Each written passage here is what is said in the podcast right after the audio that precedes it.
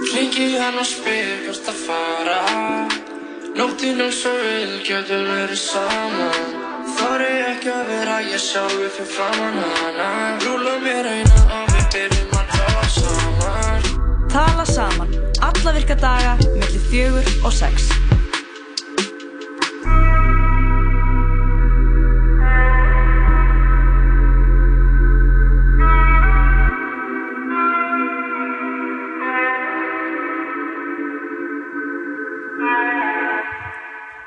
Já, það er tala saman sem hefst hérna sem fallega, fallega miðugdegi í ammælisviku útdarpsundræð við erum hérna Lóa og Jói með þér til 6 í dag að vanda Jújú, jú, það er rétt eða Lóa Og hva, hvernig höfum við það í dag Jói?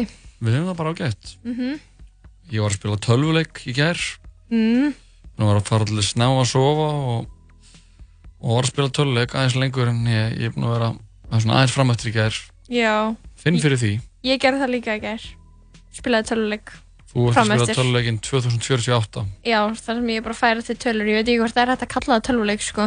Eginlega ekki Það er bara svona, ég er að svæpa Já, þú ert að svæpa, swipe the stress away Já, nokkulega, en uh, það er uh, skemmtilegur meðgjörðast þáttur í dag, við ætlum að fá til okkar hana Silvíu Hall Já Hún var reyna með okkur eftir örskapa stund við ætlum að fara yfir stóru frett dagsins Það eru er nokkrar Já en það er sem sagt uh, hún Freyja Haralds vann dóm, dómsmál í hestarætti og Silvi ætlar að koma að segja eitthvað frá því og svo verður hún Egil og Helmarsdóttir leikona hérna með okkur eftir mm -hmm. uh, í þetta sökaði Já, í, í, það er einn allra uppáhalds liður á hérna mm -hmm. fólk kemur og segir, segir okkur frá einhverju sem er sökaði og uh, svo fáum við einslag frá henni Birni Marju Jöpp, yep, aðeins meira bara gym aðeins meira bara gym, annar, annar leiðurinn í, í þeim uh, nýja leið í þættinum annað einsleið annar þáttur, annar þáttur af, uh, af mörgum, það verða margir aðeins meira bara gym hættir Svo sannlega Við þurfum ekki að örmenta kæru gestir En- kæru hlustendur Nei, kæru gestir Já, mér er svo gaman að segja gestir Já, þegar fólk er bara heima á sér þá er það samt gestir í þættinum okkar Já, mm, þannig að já, það er bara það sem er að fara að gerast í dag og uh, að sjálfsögur spila við góða tónlist og vera með eitthvað flip og grín já. en uh, já svo erum við bara eitthvað getum við kannski aðeins sagt eitthvað frá dagskrá förstu dagsins Já, það verður heldur betur rosalega dagskráina hérna og ammælstæðin okkar Ég er búin að setja upp einna hérna frétt sem á eftir að fara í loftið ég og Bippa erum búin að sjóða saman fréttum þetta mm -hmm. við gerum þessa dagskrá Jói og ertu ekki bara sáttu við hana? hvort ég er sko Þeir eru sko, veistu hvað, þetta eru margir eh, þættir Hvað eru þetta margir þættir? Þeir eru 1, 2, 3, 4, 5, 6, 7, 8, 9, 10, 11, 12, 13, 14, 15, 16, 17, 18 þættir wow. Það verða 18 þættir í útdórfunni, wow. þú heyrðum við bara að tellja upp 18 Ég hef kannski hægt að tellja í hljóði og segja það síðan en þú veist, það eru 18 þættir á fyrstæðin Ok, það er nóg af þáttum held ég. Mm -hmm. Ég held að það sé alveg. Tónlistu þættir, sögu þættir, um, leik, eh, útarsleikrit, um, mm, fortíðin, Óskalega hátegi, Arun, Aruns Móla. Ámgríms Arun Móla með Óskalega hátegi. Mm -hmm. Þetta er huge. Huge. En uh, við slumum byrja á smá músík. Þetta er uh, eh, hljómsýtin Disclosure, lægið uh, þeirra You and Me á samtenni Eliza Doolittle Eh, remix af eh, hljómsmannum Flóm, lægið You and Me gjur þessu vel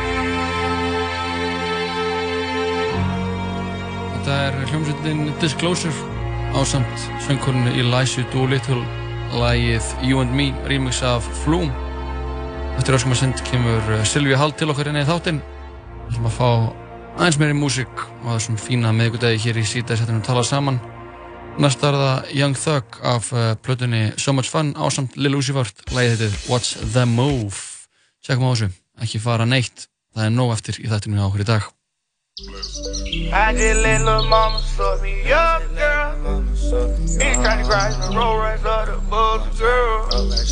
I jumped out the porch and went straight up, girl. You can leave your town and head to another world. What move? I'm tired of earning you. I'm tired of spying on you. Tell the pain mine too. I made it rain on you when it was hard to maintain too. I was playing games with you like you could never play games too. Yeah. Ooh. You just gotta tell me what you want. Love it to a diamond keep coming. Okay. All you do is point at what you want. Crystal cut punters in town. Oh, yeah. 35 for a dog. Nigga try to buy the cash codes.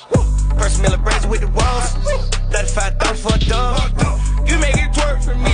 Twerk. You get a purse for me. 80,000 off for a burger. You get a purse for free. I make it work for me. Call me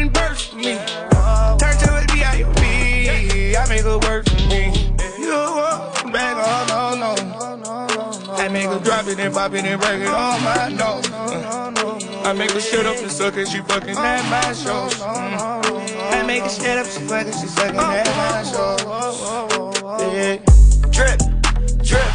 No shoes in my sneaker won't trip. My jeans is so tight they don't fit. Still walk around with a stick on my hip. VVS diamonds right behind my lip. Down while we left 50 on my wrist. Diamonds so cold on my neck it got me sick. Rob Simmons mix it up with the Rick. Flexing on these haters, oops I mean my bad. Made it from the soil, made it from the wrecks. Richer than your first, richer than your last. LUV, know I got the swag. Pop a rubber band, pop another Zan. I groove around, party back my head. I'm seeing double looking through my lens. Tell me what you want, I just want your friend. You just gotta tell me what you want. Liverton diamond keep coming. All you do is point at what you want. Crystal cut punters in town. 35,000 for a dog. Nigga try to buy the cash calls. First Miller Brands with the walls. 35,000 for a dog. You make it twerk for me. You get a purse for me. 80,000 for a burger. You get a purse for free. I make it work for me. Copy and burst for me.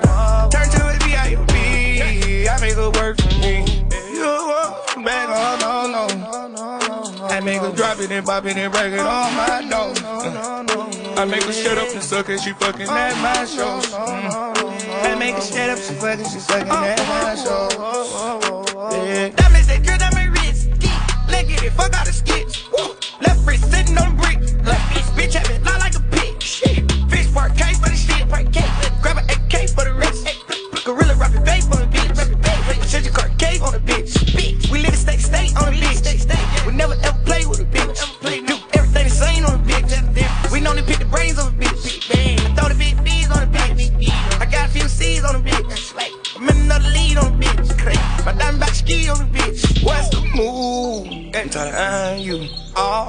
Spying on you. To the pain mines too. God, make it rain on you. Rain. It was hard to maintain too.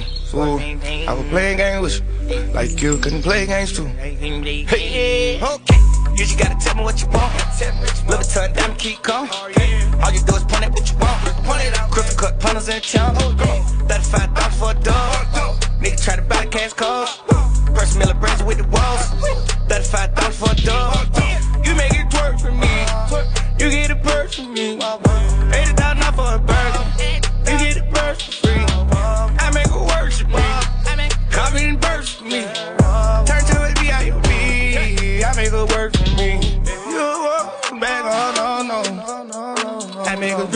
bop it and break it on my nose. Uh, I make her shut up and suck and she fucking at my shows. Mm. I make her shut up, she fucking, she sucking at my shows. Yeah. Þetta voru þeir félagarnir Young Thug og Lil Uzi Vert með lagið so, uh, eh, nei, What's the Move af plötunni So Much Fun sem kom út fyrir í sömur en hingað í síðastáttinni komið til okkur góða gestur frettakonan Silvíja Hall sest hjá okkur í hljóðverið, verður velkomin Kæra takkir Hvernig hefur þetta dag? bara ljómandi fint, gaman að fá að vera fyrstskipti með Lói. Já. Hefur aldrei verið með mér? Nei, ég er það eina sem ég hef aldrei verið með af öllum tímabundum og reglulegum þáttstörnum. Já. Gaman. Einu svona mæstinn í hörðinni þegar þú komst með innsæltráðin? Nei, það var hann að maðurinn sem að svaf hjá mömmu sinni í mörg ár. Já, það var, það var, það var skemmandi. Skulum ekki, skulum ekki. Skulum ekki fara frekand í það. Já, ég ætlaði að segja eitthvað sem skulum ekki blanda þessum tvennu saman. Hann var svo sannlega ekki skýrlifur, hann misti sveindómun með móður sinni já. af sexiförðurinn. Það var, já, það var, voru skiptarskoðanir á þessu, svona fólk út í bæ. Þú varst harkalega mikið með þessu.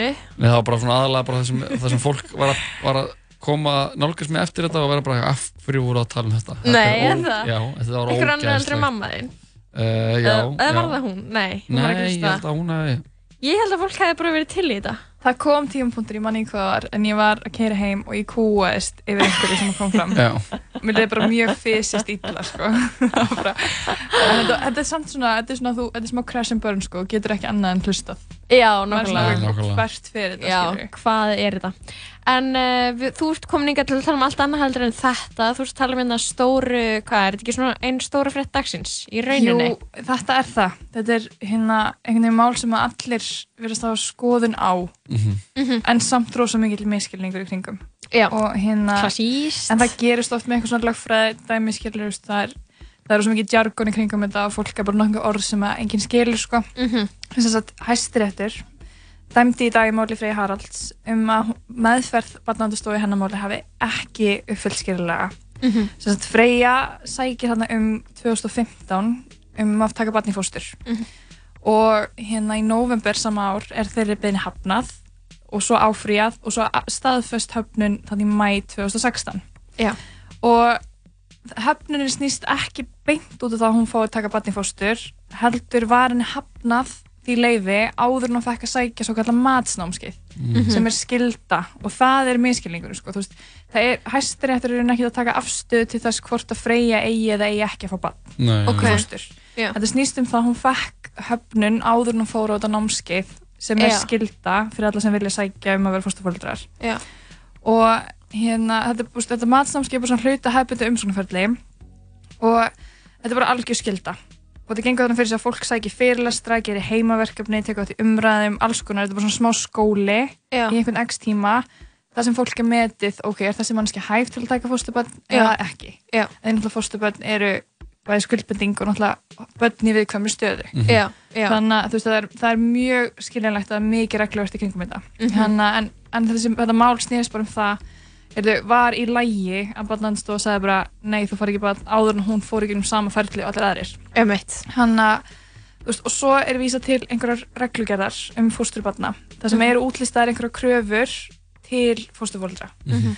Og þar segir að fósturfólkdra skuli verið stakkbúið til að veita barni umönun og öryggi og mæta þörfum barns við ótryggar aðstæðir eða áttu erfiðleika etja.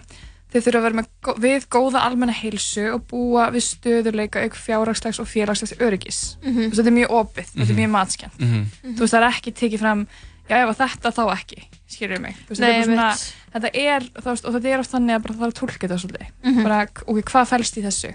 Hvað metur við sem fjárhagslegt öryggi? Hvað metur við sem góða heilsu?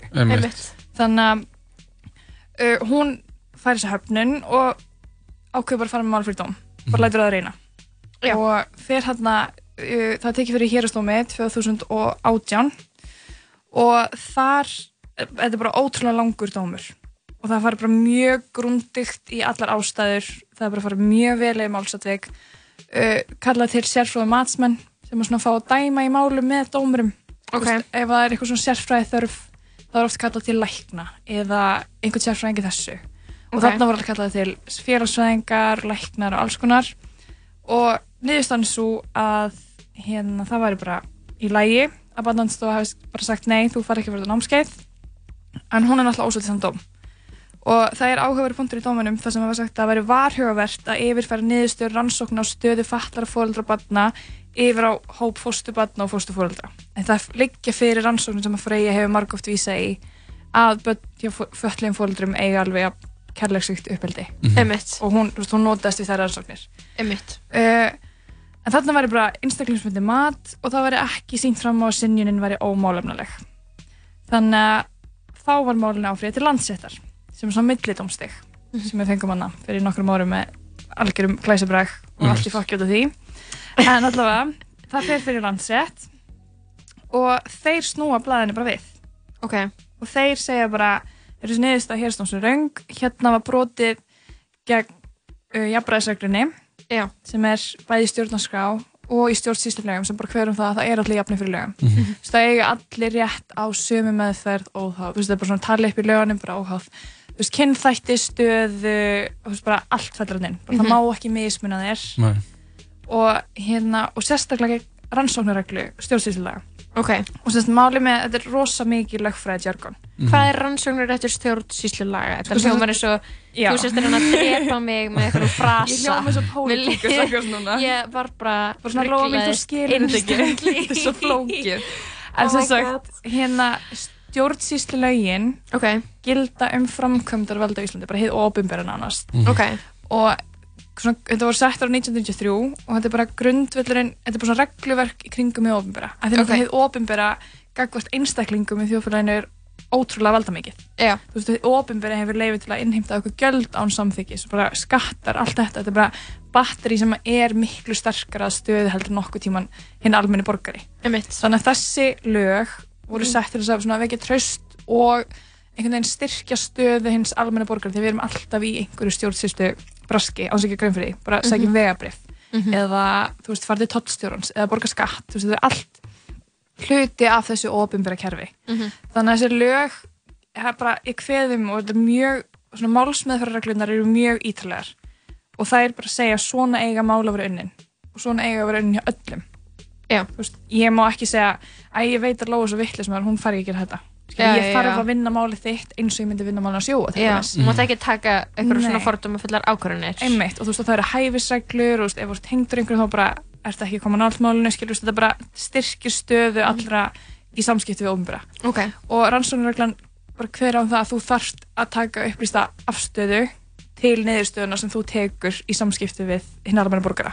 Ok, hvað þýðir það? Taka bara, upplýsta afstöðu, neyðurstöðu? Þú veist, það verður allar ákvarðanir já. sem að heið ofnbúra tekur, bara ef þú sækir um byggingarleiði og það er bara, nei þú far ekki byggingarleiði, þá er ekki nóg fyrir þau að segja, nei þú farið ekki og þau verða að segja af hverju Já. þau verða að segja, heyrðu við erum búin að fara vel í málið, þetta, þetta, þetta, þetta og þetta er ástæðan fyrir því að þú mátt ekki fara okay. og þú átt líka andmælarétt og alls konar það er svona alls konar réttur veittur mm. til þess að þú fáur að vita af hverju að komu svona frá mig af hverju var þetta neðurstaðan í mínu máli okay, þannig að regluverki er mjög flókið en þetta er til þess að styrkja stöðu í svona málum okay. þannig að fólk, veist, að bara kemur í veg fyrir það að ríki sé bara beita gethótt á okkurunum okay. í rauninni okay. veist, þau verða bara að raukst í allt óksla vel mm -hmm. þau verða að rannsaka mál óksla vel veist, þau verða að leita sér sérfræðastöður ef þessi þörf og eitthvað svo leis þannig að þarna var tali broti gegn rannsóknarreglunni mm -hmm.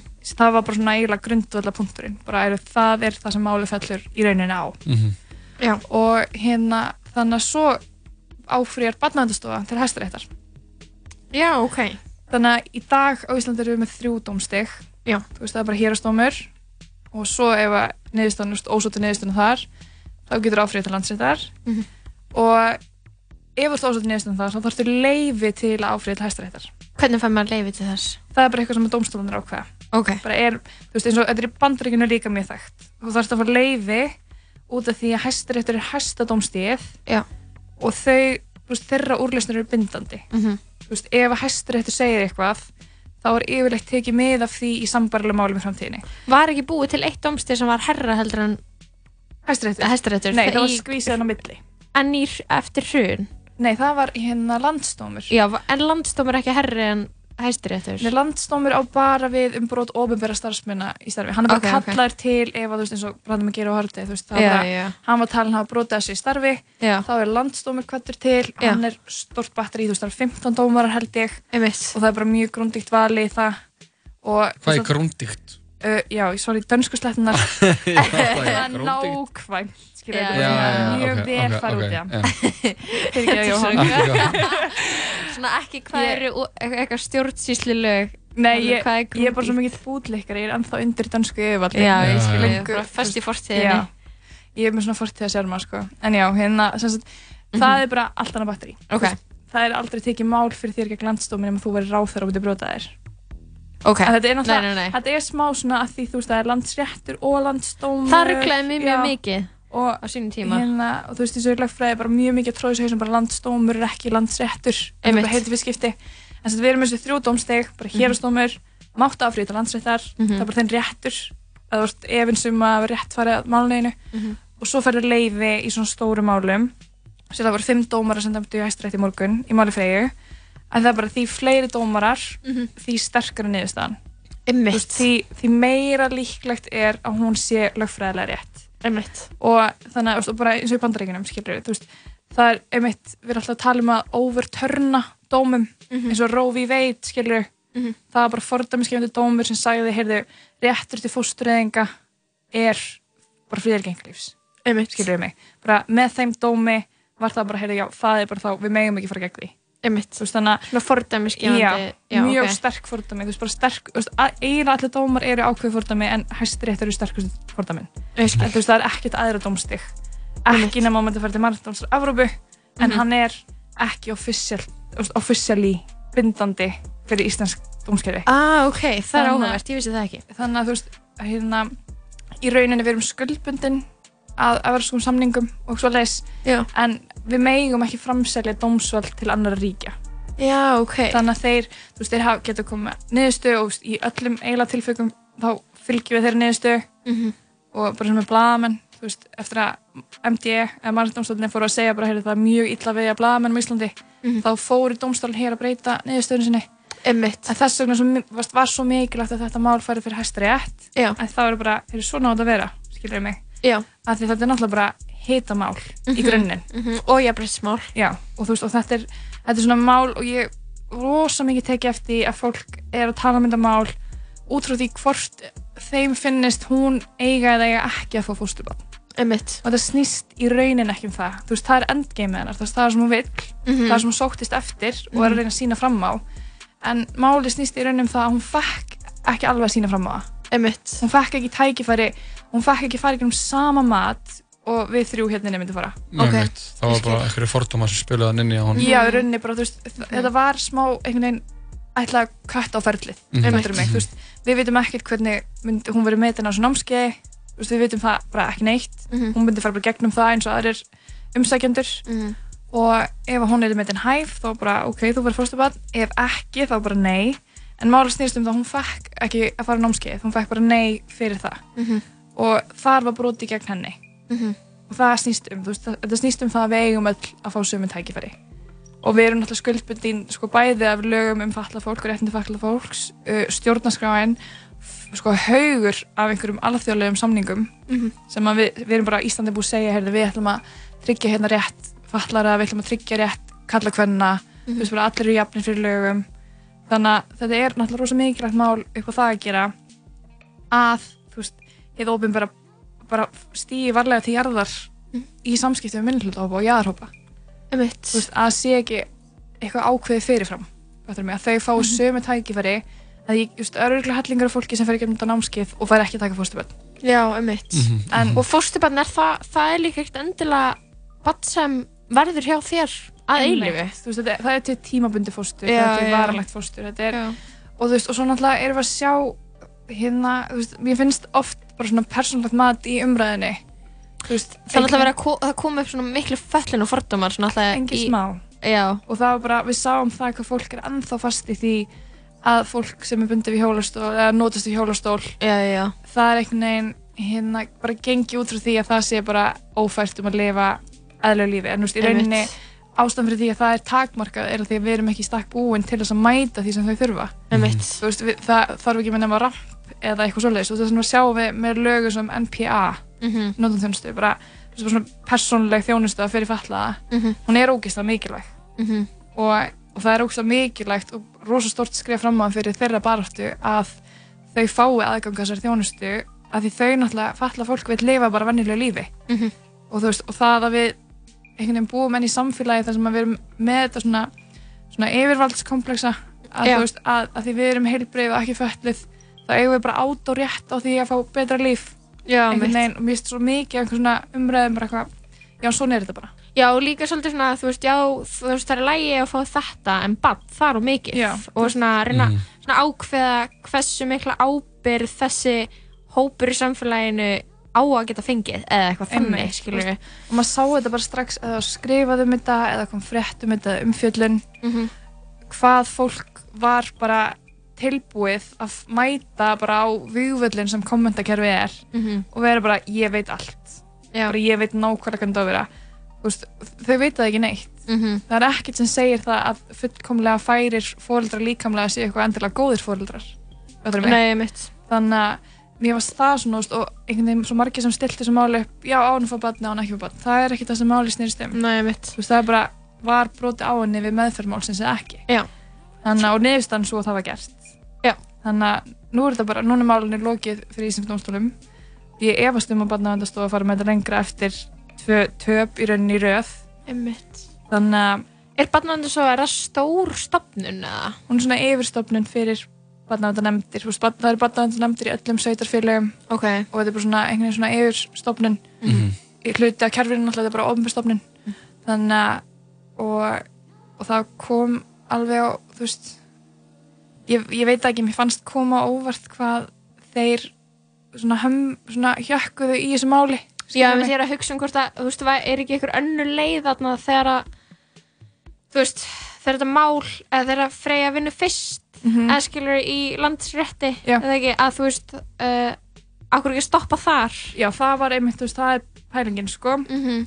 að, veist, ég held að það kvartla öllum, það er náttúrulega engin smá peningur í því að reyka mál mm -hmm. og mhm. hvað þá fyrir þremi domstegum skilja. Já, tappa. Já, mhm. þú veist, þetta er, þetta er ótrúlega, þú veist, það var náttúrulega fallist á gefsók þarna, þú veist, því þeirra ríki borgar allan kostnað, en náttúrulega bara svona domsmál eru ótrúlega tímafreg og orgufreg.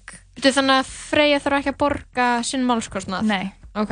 Þannig að, þú veist, og það er gert í málum sem að var það miklu hagsmunni eða persónulega þýðing oft eða bara fólk getur ekki staðandi kostnað nema því það er bara þú veist það er bara talið réttur okkar að fá úrlýsna okkar mála mm -hmm. En er það bara gangvart hinn ofinbæra eða? Um, ég veit ekki, ég held að það sé þannig já að það hafður enga mál, það ert þú yfirleitt nema þess, okay. ég held að það gæti kannski verið einhverju sérstakar ástæðir já. en ég held að þetta sé algengast í ofinbæra málum mm -hmm. þannig að en ég bara svona, þetta er, ég held að þetta sé þetta er rosalega stórt mál og maður fann það umræðinni að þetta hefur ekki verið auðvelt fyrir hana einhvern veginn það, ég held að sé ekki auðvelt að allir landsmenn hafi skoðun á þér og hvernig fórildri þú ert já, og hvað þú sitt hæfi að gera og hvað ekki veist, ég, ég held að ég myndi ekki meika ef allir á Facebook verið að segja mig hvað ég get og get ekki gert Nákvæmlega Mér er líka með svo mikið af eh, bara óföllum vanhæfum fórildrum þannig að Þurfum að opna umræðina um þau Þú frekar að opna umræðina um þau sko. Þetta er podcast Silja, Takk hjálpa fyrir komuna Mjög gott að fá mjög góð útskeng af þessu máli Það, við höfum ekki hugmynd um Nei og bara útskýring á þessu hennu eh, ofinbera og í alvegurinu og óskum bara Freyja Haralds til hamingi með segjurinni í dag Stór dagur Já Haldum að hún er þáttinn það var smá músík og eh, svo kemur leikonan Eiklo Hilmarsóttir til okkar eftir öskuma stund en fyrst er það þau eh, Big Sean, Lil Wayne og Jane Aiko lægi hitti Beware When you said it was over you shot right through my heart Why you let these hoes tear what we had right apart Oh, I was so mad I should have seen this coming right from the start You should beware, beware, beware yeah. Of a woman with a broken heart Praying to a sky all Looking at the stars like they finna talk back. Looking at my phone like she finna call back. But last night I feel like probably ended all that. Cause by now she would've sent a text in all caps. Then another one trying to take it all back. Saying fuck you, I miss you, or I hate you so much. Cause girls only say I hate you to the guys that they love. I know, I know, I know. The highs, the lows, it comes, it goes. You say be real, I try, I don't. Cause you take anything and just make it everything. I kept my phone on silent ever since you got a ring. Funny, right? And I never cheated. I mean, maybe once, twice. One time don't change everything. She asked why I don't feel the same. I'm still the same. She's still insane, and now she's saying. Said it was over. You shot right through my heart. Why you let these hoes tear what we had right apart? Ooh, I'm so mad. I could've seen this coming right from the start. You should beware, beware, beware of a woman with a broken heart. Okay, ski, smoke, sleep, call, miss, text, woke, spoke, lie, feel, Lisa, ill, time, kill, months, still. I got somebody, baby mama, calling me daddy. I drank too much, please call me a cabbie. Penthouse after party, hoes want the addy. Fuck, they could ride with us, crawling in the caddy. Third row, that's when you call, I hit cancel. Really, I hit answer. Fuck, I hate when that happens. Phone in my pocket for the whole night. And you heard bitches screaming till my phone died. Then she text me like, why you still talk to my mama? How the fuck you run run around with condoms, why you made me get this tattoo? Man, fuck this tattoo. You the reason I wasn't single in college, well, All because I had you? Nigga, I don't even have you. How I'm supposed to get past you? Then she called the next guy, spilling some real shit. Now they problems that he gotta deal with. When you said it was over, you shot right through my heart. Why you let these hoes tear what we had right apart? Oh, I was so mad.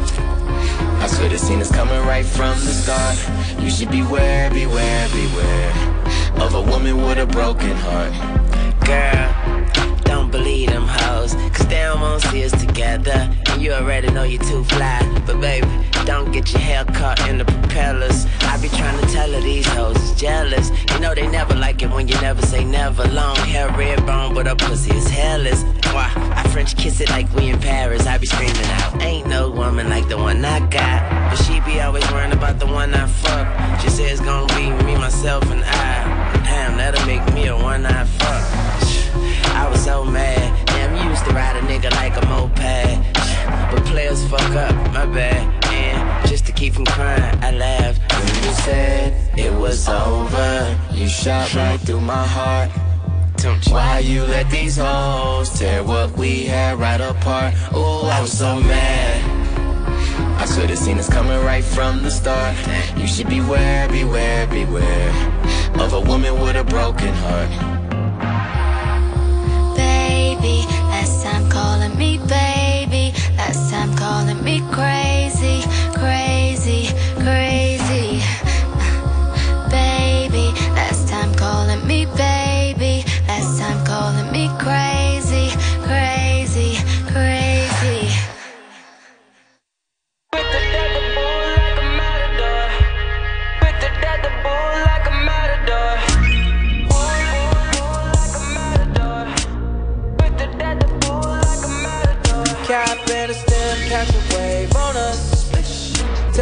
vibe like a friend, just enjoy the moment. I'm Luke Skywalking on these haters. Celebrate every day like a birthday. Things come to those that wait up. But don't wait to jump in too long. Don't sleep, you gotta stay up. Don't, don't sleep, you gotta stay up. Yeah, I'm outstanding, so I stand out. Stand I'm more babe than a bash house gonna my time cool Life a keeps and I don't lose You more than love it, cause it's cool as a breeze So pick the poison, yeah, I got what you need Nonchalant, got the green on rotation all night We gon' keep it psychedelic like a cap and a stem Catch a wave on us Take a shot, make a friend, just enjoy the moment I'm blue sky walking on these haters Celebrate every day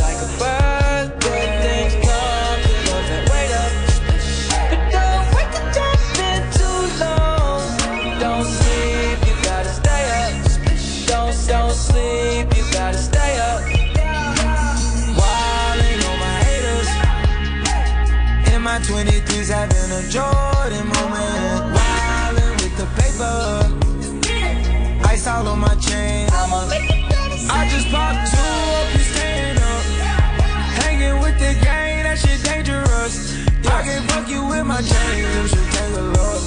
Yeah, come and catch a wave, take one out my cup. Yeah, damn the OD, yeah, damn the police. Wildin' in SV, yeah, moving up your street. When we on the creek, can't be sand to the beach. Ain't no day, ain't no night, make no plans, ain't no sleep. Cap in a stem, catch a wave on us. Take a shot, make a friend, just enjoy the moment. I'm Luke Skywalking on these haters celebrate every day like a bird.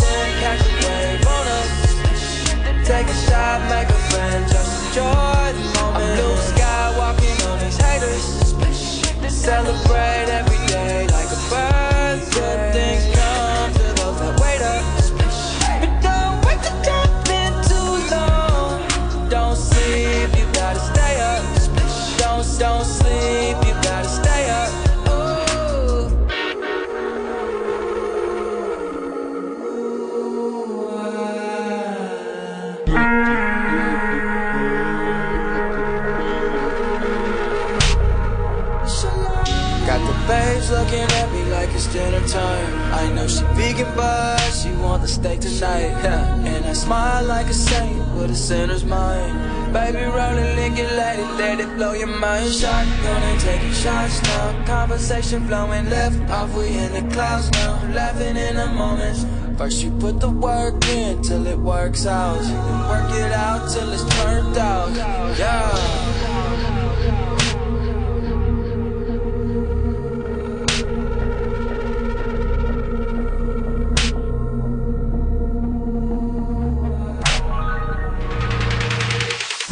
saman alla virka daga millir fjögur og sex í bóði Dominos og Zombieland Double Tap, komin í bíu Fylgstu með þeim bestu takast á í Dominos deildinni viðstöndum vaktina í allan vetur verðu með Dominos Hamburgerabúla Tómasar Sam og senast Hamburgerabúla Tómasar Hvernig væri vokstiktur kjúklingur og brakandi fest grammeti í panda appelsínusósu?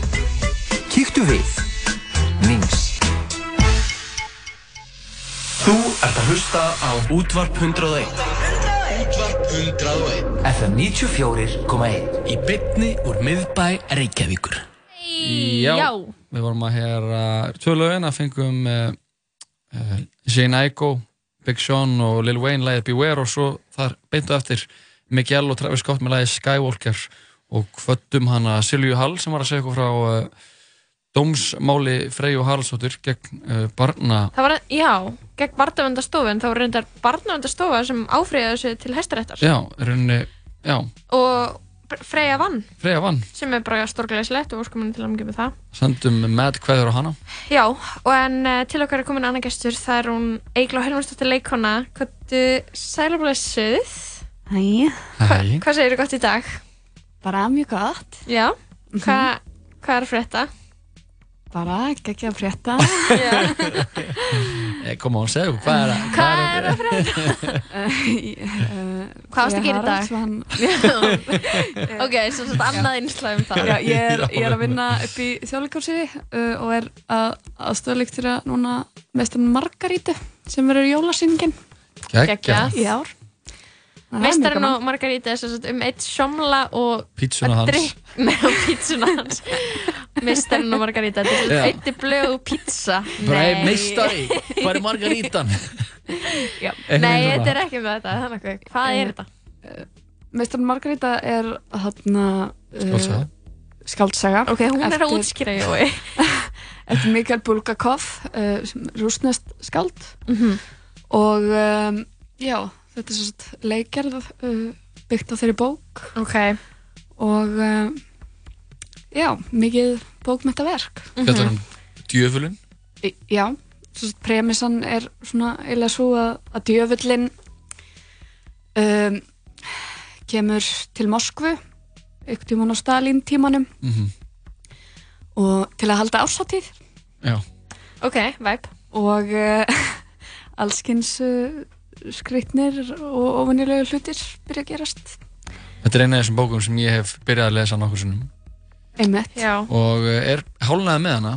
Nó. No. Mm -hmm. En uh, síðan ég kom heim frá Greiklandi í sumar hef ég ekki lesið stakanstað við henni. Þannig að þú varst að lesa Mestrarinn og Margaríti á Greiklandi í sumar. Já. Eik. Wow. Wow. Smart. Já, ég var að lesa hann og, og, já, var að lesa hann og, og bók sem heitir She Comes First. Já sem, sem er um- kynlífsbók já, sem fjallar um svona, er svona, mm. svona tutorial um uh, munmögg Já, ok. Þannig að uh, það er margt í mörgu hjá mér þegar ég er á Greiklandi, ein, en við skulum ekki fara of ítala út í það. Eglur, þú er komin í uppváðsliðan okkar, þetta sökkaði. Já. Uh, það einhvern veginn kemur ekki óvart og það verður lendið í einhverjum svona sökkuðum hlutum mér finnst einhvern veginn vera svona smá on brand Já, mér finnst það ekki mér finnst það eiginlega vera meira svona hún er ekki alltaf, þú veist, hún er ekki alltaf að væla yfir, ó ég lendi í þessu Nei, ég er, ég er ekki að segja það ég, að, ég, ég kemur sætt óvart og hún sé með einhverja sögu að einhverju sem sökkaði einhverjum mann sko. Ok, ég skilði Ég hugsa nefnilega Þú veist, hókina reynslu með bakboka, tróðsullan og Já. á reynslu. Varst því vandraði með að finna uh, sögu eða kom eitthvað strax upp í hugan? Já, sko það sem kom svona upp í hugan var, voru bara svona raunverulega tragískar uh, svona svolítið tra tragíst um, stöf sko sem Já. að, þú veist, bara svona áföll. Það væri svo gott að koma yngi að vera eitthvað, ég ætla að sökja eitthvað, já, mamma mín dó og jó, jó, eitthvað, já, æj það sökkar Já, en mér dætt alveg nokkru hlutir í Já. hug þú veist sem að hérna ég er eitthvað hei þetta var þetta var sökkaði Já. og síðan eitthvað svona sagði ég hérna kollega mínum í vinnunni sem sagt söguna bara svona til að testa hvernig hún væri og hún var bara eitthvað æ, ó ok, eh, og þá var ég bara eitthvað fuck uh, Uh, já, afsakið að eh, það er fokki út af uppinu. Það er ekki til að stressa sig. Margir á slögt á stöðunum fyrst og það er svona fokk. Já, uh, en, en ég er samt líka held ég bara svona frekar, uh, þú veist, jákvæð á sökkuðu hlutina mm -hmm. sem mhm. að um, koma fyrir mig. Já, mhm. þannig að þú veist, kannski einhvern veginn setja þér ekki eins svona harkalega í mér og, mm. og kannski gleymi ég þeim bara en mitt. ég er alveg ég puntaði niður nokkra sökkaða hluti okay. og kannski svona kannski eitt eh, eitt svo, svolítið sök, sökkaðan viðbörð í, í lífinu sko um, eða viðbörð þannig að já, en já, ég er með sögur ok, við erum, það er bara story time já, við erum all ears, eins og ég segja okay. á Englandi ok, ok sagt, eh, fyrir uh, árið 2017 þá uh, ákvað ég þá tók ég þá ákvöðun um, að fara í þryggjadaga göngu á uh, ströndum með tveimur hagfræðingum hmm.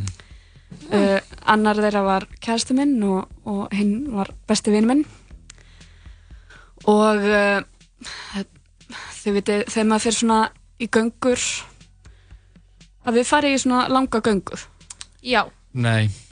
það náttúrulega sökkar í sjálf sér að fara í svona með lang, alltaf bakinu langa göngu með allt á bakinu Þú- Já. þetta er ókslega erfitt já, mhm. já. og, Líklega. og maður þarf að undirbúa þetta vel og þú veist og þetta er, já, þetta er alveg svona frekar mikið já, bast mikið bast Já. Mhm. um, nema hvað uh, Við vorum svolítið að lappa úr áfegsfyrði yfir í Reykjafjörð ef ykkur þekkir til og þetta er svolítið svona erfið gönguleið mm -hmm. og hérna sömur taka þetta á uh, fjórum dögum, aðrir á þremur og, og ég og þessir miklu garpar uh, ákveðum að taka þetta á þremur dögum. Sem er svona harðjagsla Sem er svolítið svona harðjagsla approach. Hvað er það margir kilómetrar per dag? Þetta var, voru svona 10-20 kilometrar á dag, eitthvað okay. svona á því byli. 20 er alveg svona, það er alveg svona uppar limit á það sem maður getur gengið á einum degi. Já, það þýðir basically maður sé að lappa allan daginn. Sko. Mm -hmm. Já, það er rosalega langt. Um, Nefna hvað, fyrsta daginn þá hérna uh, gungum við að stað og það var bara mjög fínt, bara geggjaði dagur og, og beautiful og svo satt langur gungudagur og við komum síðan loksins um kvöldið í, hana, á fyrsta áningastæðin mm -hmm. þar mhm. sem við ætlum að tjálta og verja mm -hmm. nóttinni mm -hmm. uh, klukkan var kannski svona nýjum kvöldið og ég var alveg svona svolítið þreytt og maður er þreyttur eftir svona dag uh, nema þeir vildu endilega ganga eins lengra mhm.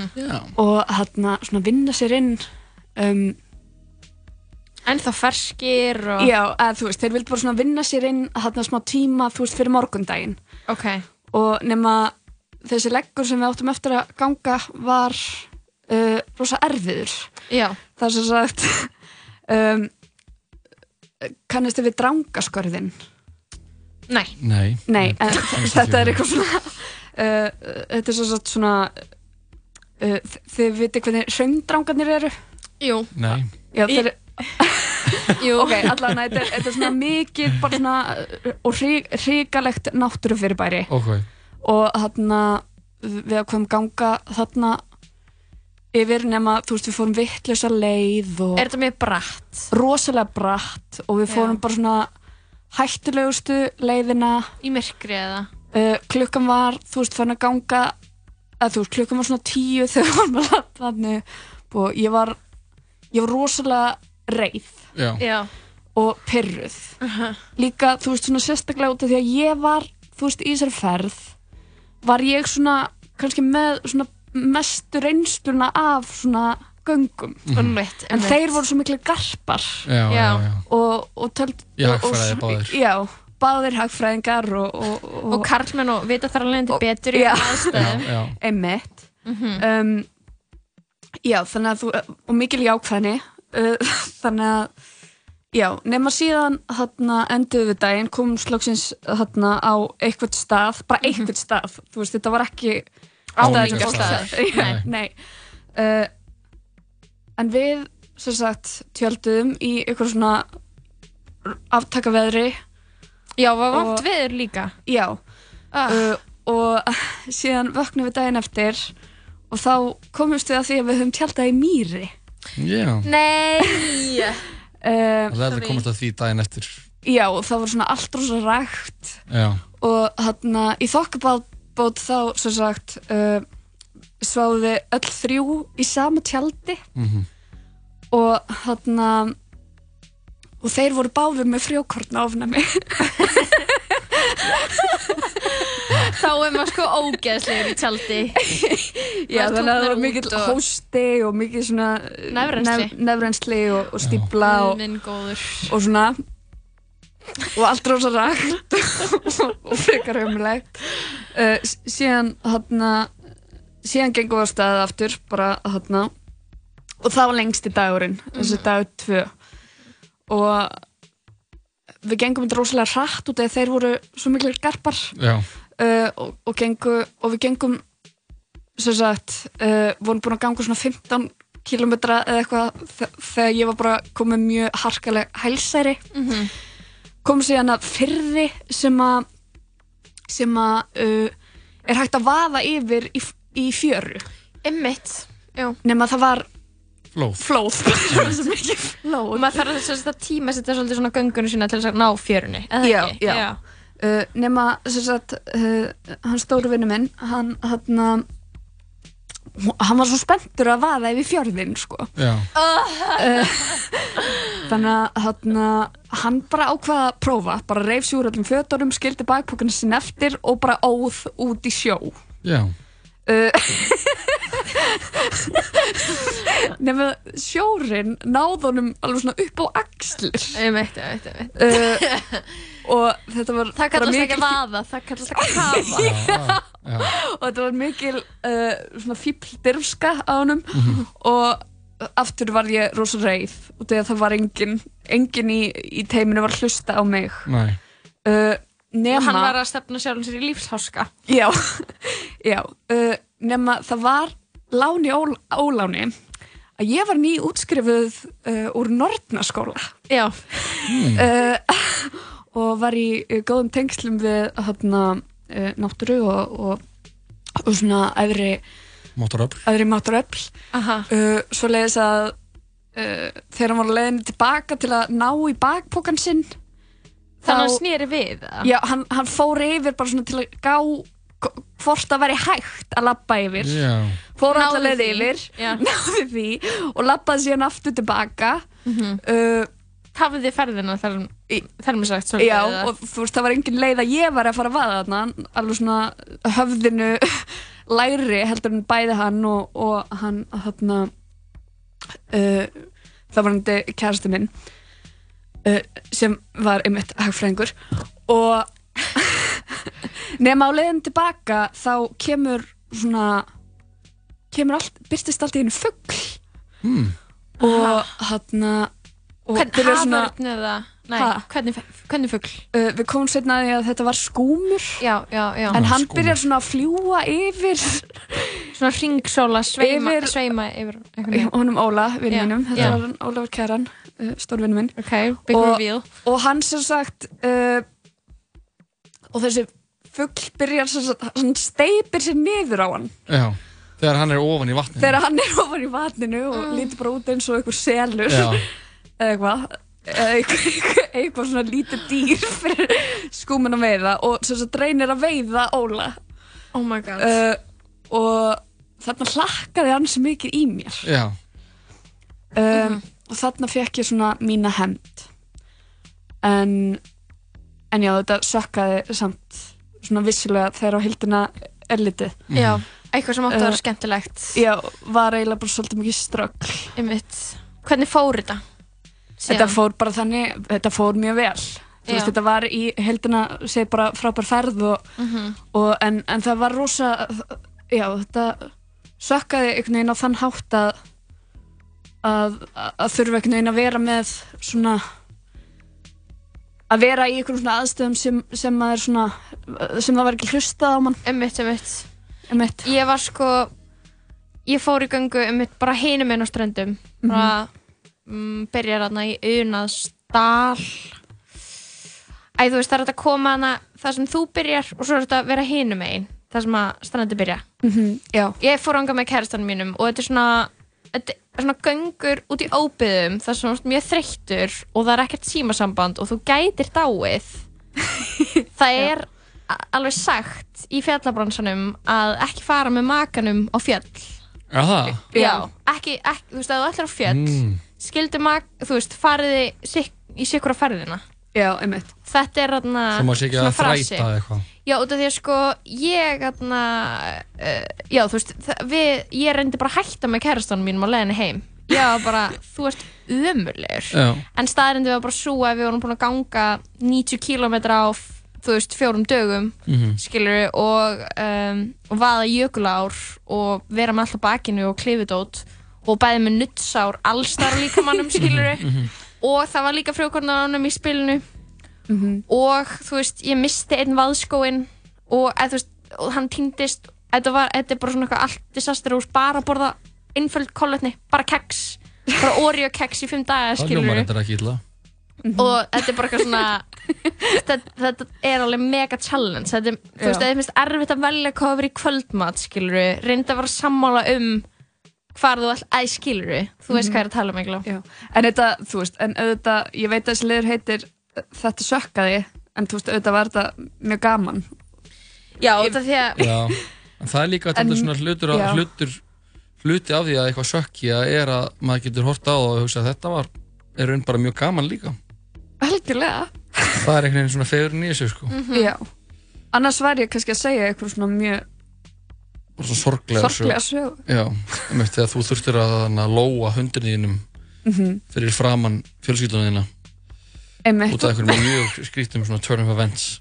Já, já. Súsa kemur kannski einhvern tíman, kannski þú þurft að segja hvað hann er einn daginn. Ég, ég þekki manneski sem lóaði kettinu sínum sjálf með pönnu. með pönnu? Já. Ekki fá hann í þáttinn. Af hverju ekki? Af því að það er, það er, það, við erum ekki með lið sem heitir mm það er ógæðslegt já, ég er morðingi ég framdi dýramorð já. Já. en uh, eh, eitthvað eftir með fleiri sögur eða sko eða hversi neglið eitt lag eða já, já. nöldi lag og stundraði lag í eira á mér fann eitt, fann eitt lag hérna svona smá viðjandi uh, við þessa sög í alveg þetta er vinnur okkar einar áttavilt í lagi eh, til Þú ert angað til mig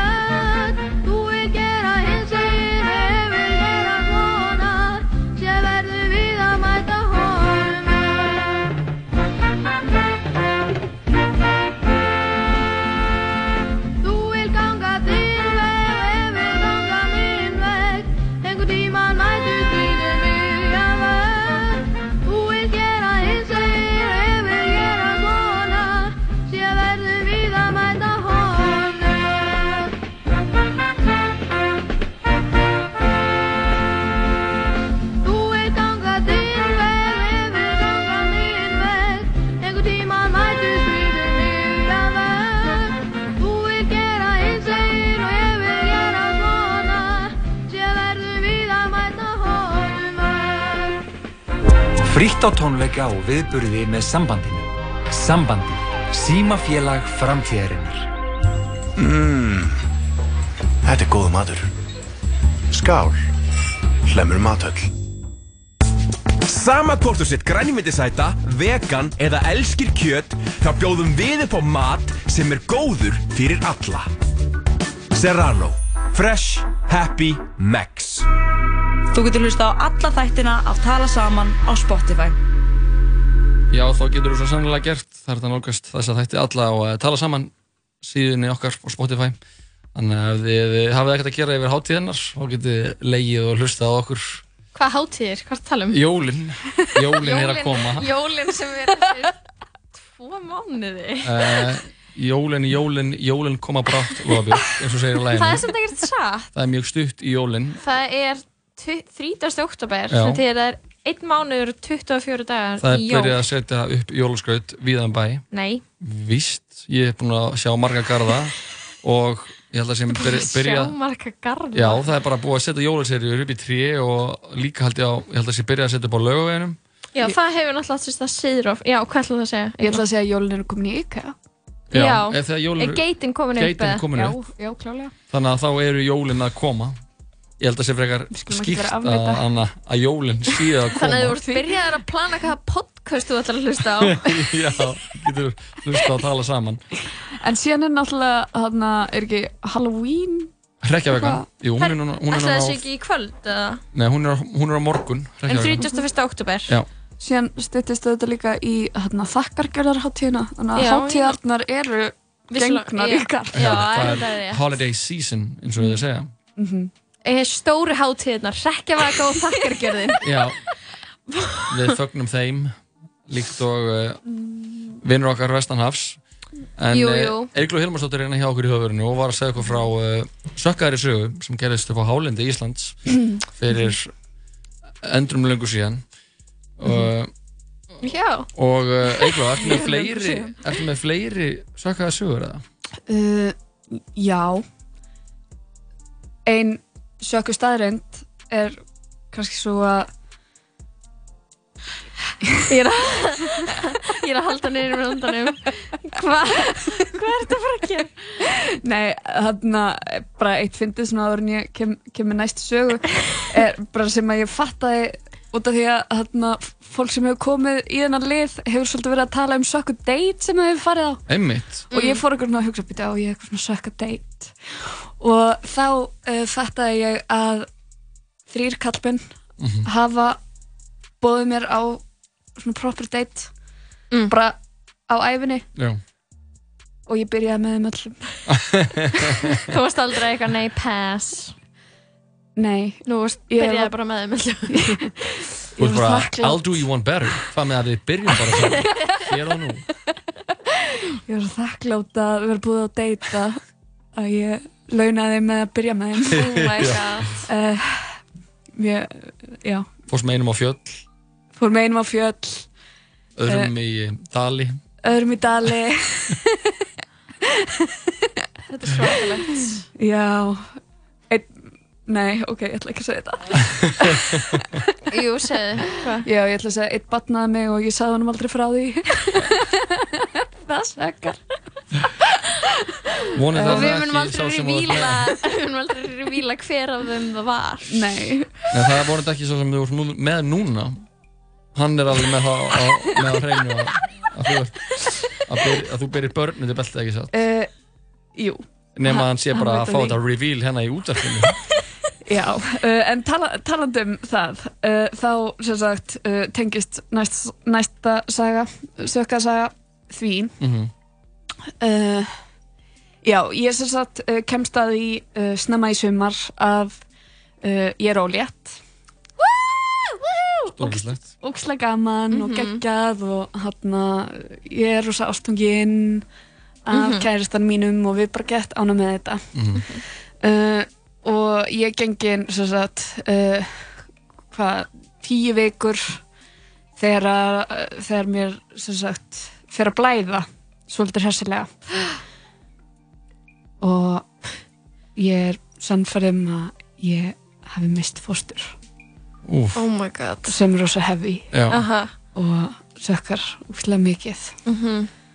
og við við sirgjum þennan mm. missi já Uh, fyrir meðal annars á uh, kökundina Lion King í bíó og bara grátum ógslæð mikið og þetta bara sökkar feitt mm -hmm. og það er hásumar uh, þannig að bara allir kvennsjúkdómalæknar á landinu eru í sumarfríi á Teneríf já, og, hérna, og kvennadeildin er ekkert að taka við svona keisum, þú veist þú veist, mann er blæðir en þú veist, það, það þarf ekkert endilega að þýða að maður sé búin að missa fóstur uh, en ég var sannferð um það mm -hmm.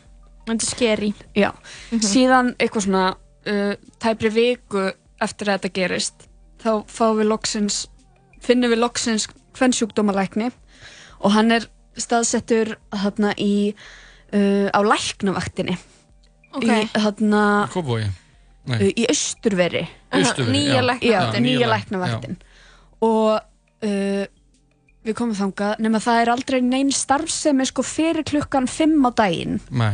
þar þannig að þetta er bara svona eins og að mæta í eitthvað svona drauga það er bara enginar það er bara engin og þú veist allt svona rosa sterilt og þetta er svona svolítið creepy, svona creepy mm. og bara ógislega sökka við bara hvað erum komin að það til þess að fástað fæst að eitthvað að hér hafi verið fósturlát og þú veist við mhm. vildum mm. bara fá þetta hreint og þegar við vorum að fara sko til Amsterdam daginn eftir og vildur vita hvort þú getur jammað eða ekki já, ég vildi bara fá að vita hvort þú getur drukkið bjór mm. og hann að og þú veist, reykt weed mm. og eitthvað fyrir Amsterdamferðina nefndi ekki að vera í einhverju óvissu þar, mhm. eitthvað svona skiljulega, þú veist bara, ef ég var búin að missa fóstur, þá mhm. vildi ég bara detta í það og mhm. það var svona aðalástaðan fyrir að það lása svona mikið ás nefndi sjokk nema hvað, eh, við sitjum hann á gangirum og og hann er svona nokkur myndum á setlæknarinn mm -hmm. og bara svolítið, svolítið skrítið út eða það, það var engin alltaf nema síðan hérna kemur uh, læknirinn uh, fram á gang og þú veist við setjum svona í hinum enda gangsins við hann mm -hmm. þannig að hann er svona gett langt í burtu og þetta er svona maður á sjötugsaldri eða eitthvað, kemur út oh, og baðar út föðmónum og segir Ég var að hlusta á nýja áf Monsters and Men og ég bara gæðveikt upp veðraður og ég bara, hvað maður góður, nei, ekki svona læknir bara almáttu um minn, nei, nei, nei já, og bara þú veist, bara skrítinn bara einhvern svona skrítinn kall sem bara einhvern svona og við komum inn til hans og hann er mjög mikið að tala um of monsters and men mm. og, og þeir eru leið og við erum leið og bara svona svolítið þú ert stressuð með hnút í maðanum og hérna hann er mikið að tala um of monsters and men ja. og hérna og nönnu söngkonuna í of monsters and men og, og þeir eru svona uppruna hennar uh, og hann er eitthvað að segja bara þessi litla stelpa frá gardi komin komin á þennan stað í tónlistinni og ég er bara þarna komin til að vita hvort að, þú veist uh, oh uh, hvort að fóstri mitt sé látið yeah. oh uh, og þú veist í þessari neikvæðni þá finnst maður náttúrulega finnst manni læknin kannski vera uh, svolítið sökkaður já, fyrir aðstæðina um, nema hvað síðan hérna uh, fer ég upp á bekkinn og fer úr á neðan og hann, þú veist, fer eitthvað svona með sjónartakiðinn mhm. mm -hmm. Já uh, og byrjar eitthvað að skoða og hann eitthvað svona horfir á, á Sigurð, kærastu minn og segir, hvað er þetta pappi lilli? og eitthvað, oh my god og hann sér að uh, sínir okkur skjáinn og hann segir, sjáðu hérna ég er fóstur og það er hjartsláttur og við bara, oh, hvað er, oh, ymdislegt, frábært og ef við skoðum síðan hérna uppi þá er annað uh, oh my god og þannig komist við að því að við erum ekki búin að missa fóstur heldur eigum við vona á tvýpurum oh my god en þið grættuð eitt já, þannig að, uh, já Uh, eh, veit, þessi liður fjallar um hluti sem sökka og sko fyrir suma myndi það kannski sökka mm -hmm. að eiga vona tvípurum Já, það ætti að vera síðan þú veist sjöböld fyrir Já, og bara fann Já, en uh, í mínu tilfelli þá endar þessi uh, annars uh, sökka það að segja bara mjög vel þetta því að mér snilda ég að vona týpurum Já, það er fokkin epíst uh, Getur þú svona sagt mér eitt með, með týpura og þetta að það hefði blækt það eitthva, var það eitthvað algengara eða skilur Er það eitthvað tengt? Sko um, um, það er ósað mikið eitthvað svona blóð flæði í gangi þarna mm -hmm.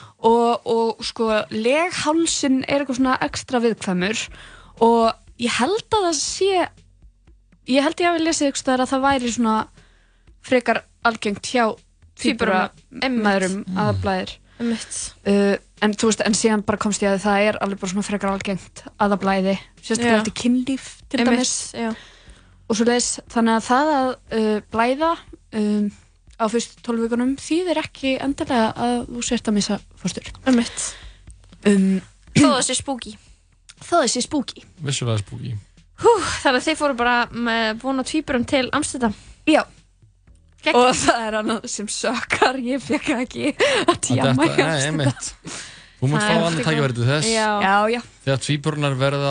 Um, Ornir fimm ára. Ornir áttján ára og floknir og hreðirinu. Já, þá máttu sletta um klaugunum. Já, þeir eru kannski fluttir til Amsterdam og farin að vinna þar. Þetta eru náttúrulega ekki þeir, sko. Nei, þær. Þær eru farin að vinna í hassbúlu á Amsterdam.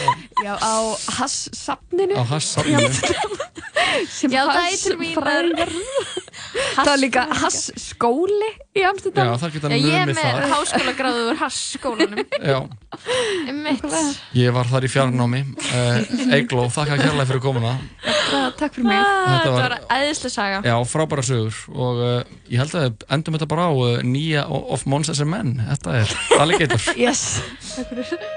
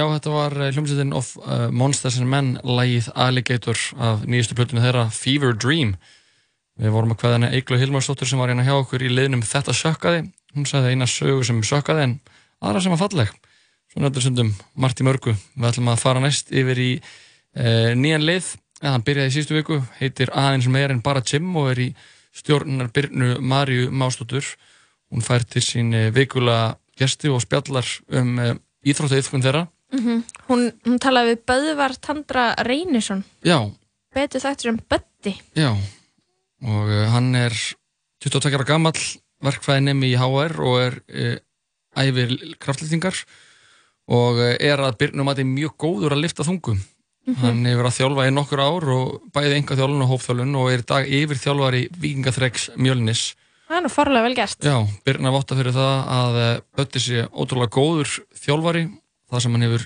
púsað ímsar æfingar hjá henni og hjálpað henn að ná ótrúlustu þingdum upp umverðaða einlegt og innihaldsrikt spjall þar sem eh, Böðvar fer yfir reynslu sína sem þjálfari, markmið, áherslur og algeng meðstök hjá, hjá þjálfurum við bjóðum okkur bara velkomin í, inn í hennan nýja leið hjá okkur eða annars annar þáttur í aðeins meira en bara gem Gjör svo vel, Gjör svo vel. Veistu raunverulega hvað þarf að laga eða veistu það ekki og ef þú veist það ekki, þá bara veist það ekki Emmett Skiljur þið það er svo ofta sem þjálfarar komnir á einhvern svona pall, skilur, að því maður er þjálfarinn, þú veist, þú ert að reyna mm -hmm. fólki og þú þart að vita eins betur og svona svo er það spurðir að einhverju bara fárunleg, skilur, bara ég er að fá einhvern stingi olbón sem leiðir inn í vinstra hérna nýðum mér sem að hérna ég fæ svona kýtt alltaf eistun þegar ég být í eitthvað svona bara, bara veit ekkert hvað hann er að tala um og það er bara eitthvað, já, prófaðu wallballs, að skilur, bara eitthvað svona, mm -hmm. bara verður að hafa efna á því að vita hvort það tala um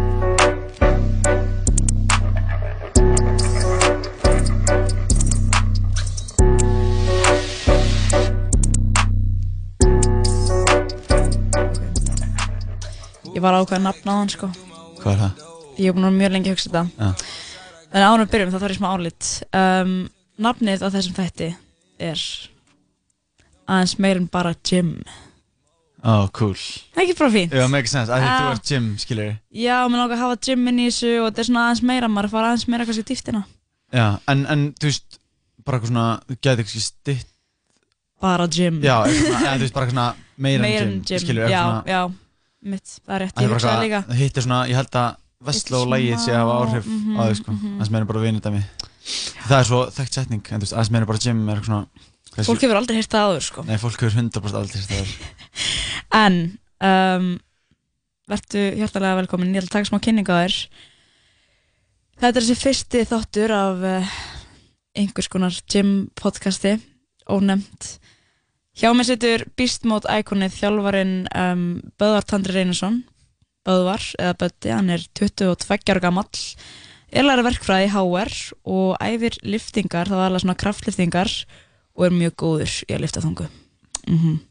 Hann hefur verið að þjálfa í nokkur ár núna bæðið svona engaþjálfun og hópþjálfun og er í dag yfirþjálfari vikingafræksins í mjölni Ég get sjálf ótt að vera það að Bötti er góðu þjálfari þar sem hann hefur púsað ymsa hreyfingar á mér og hjálpa mér að ná ótrúlustu þingdum upp ég held að, ég held að það sé bara mjög mikið fakt í því í samanlöfuði en bæti, þú ert kvetandi og skemmtilegur og það er auðvelt að hlæja með þér og sprella með þér og hinga eftir komin til að já, spjallum lífið sem þjálfari mm, Takk fyrir bóðið bara mín er ánæg Það er ákveðin hefur að vera svona fyrstur Þú ert fyrstur, fyrstur gesti þáttarins já. og Já, alls ekki síðastur, við mm. getum bara horfað að sjálf þess Ég var líka svona þokkala framalega í hérna gym þáttunum sjálfum Já, það er fyrstu sérinu, þáttu númer eitthvað Þú þurfti bara að lendi í einhver svakalegu Já, ég þurfti og... bara að lendi í einhver algjör áfætti sem ég geti verið hann þátt Þannig að þú ákvæmst að, já, fá svona smá minnisleysa þannig í februar Já, einmitt Þá,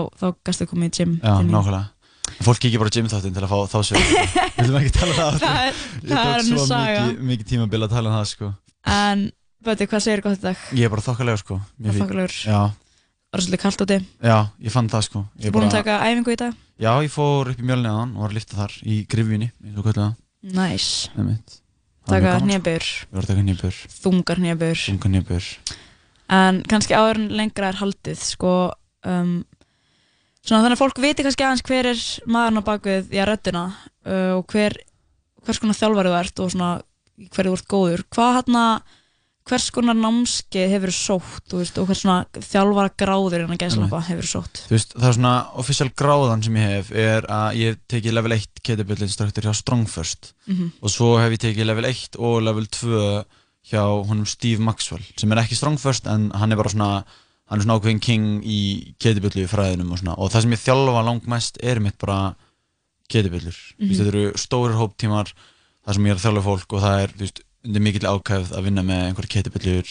hreyingar og svona líkams uh, þingdadót sem mm -hmm. við vorum líka yfir hjá Steve Maxwell en ekki að mikið í strong first sko. þannig að það eru svona gráðunar sem ég hef sko. en svo er mm -hmm. þetta mhm. bara svolítið mikið bara svona reynslan skilur, mm -hmm. hún svona heldur, ég myndi segja hún gefið mér, gaf mér mest sko, bara svona reynslan og hérna bara svona trial and error bara að þjálfa og hérna svo líka mjög mikið bara svona maður er alltaf að hlusta á einhver podcast á einhver þjálfurum og maður er alltaf að lesa okkur dót á netinu og veist, það er svo þægilegt að þú spara alltaf með eitthvað svona free education bara á internetinu sko. Einmitt. Ég held að það hefði svona gefað mér mest er mitt reynslan og bara svona lífið svolítið meðan ég er mm. að þjálfa og er að kynna mér hluti betur sem ég vissi ekki og svona. Einmitt, að þið vart nú bara 22 ára gammal, það Einmitt. er hérna ansi svona kannski, já, umt að vera yfirþjálfæri vikingutræksins og 22 ára gammal en samt ertu svona eins og innanmjölni sem núna það þekkja það því ég sjálf æfið þarna og, og þjálfa líka að samt liggur það svo mikið fyrir að þú sjælt, skilur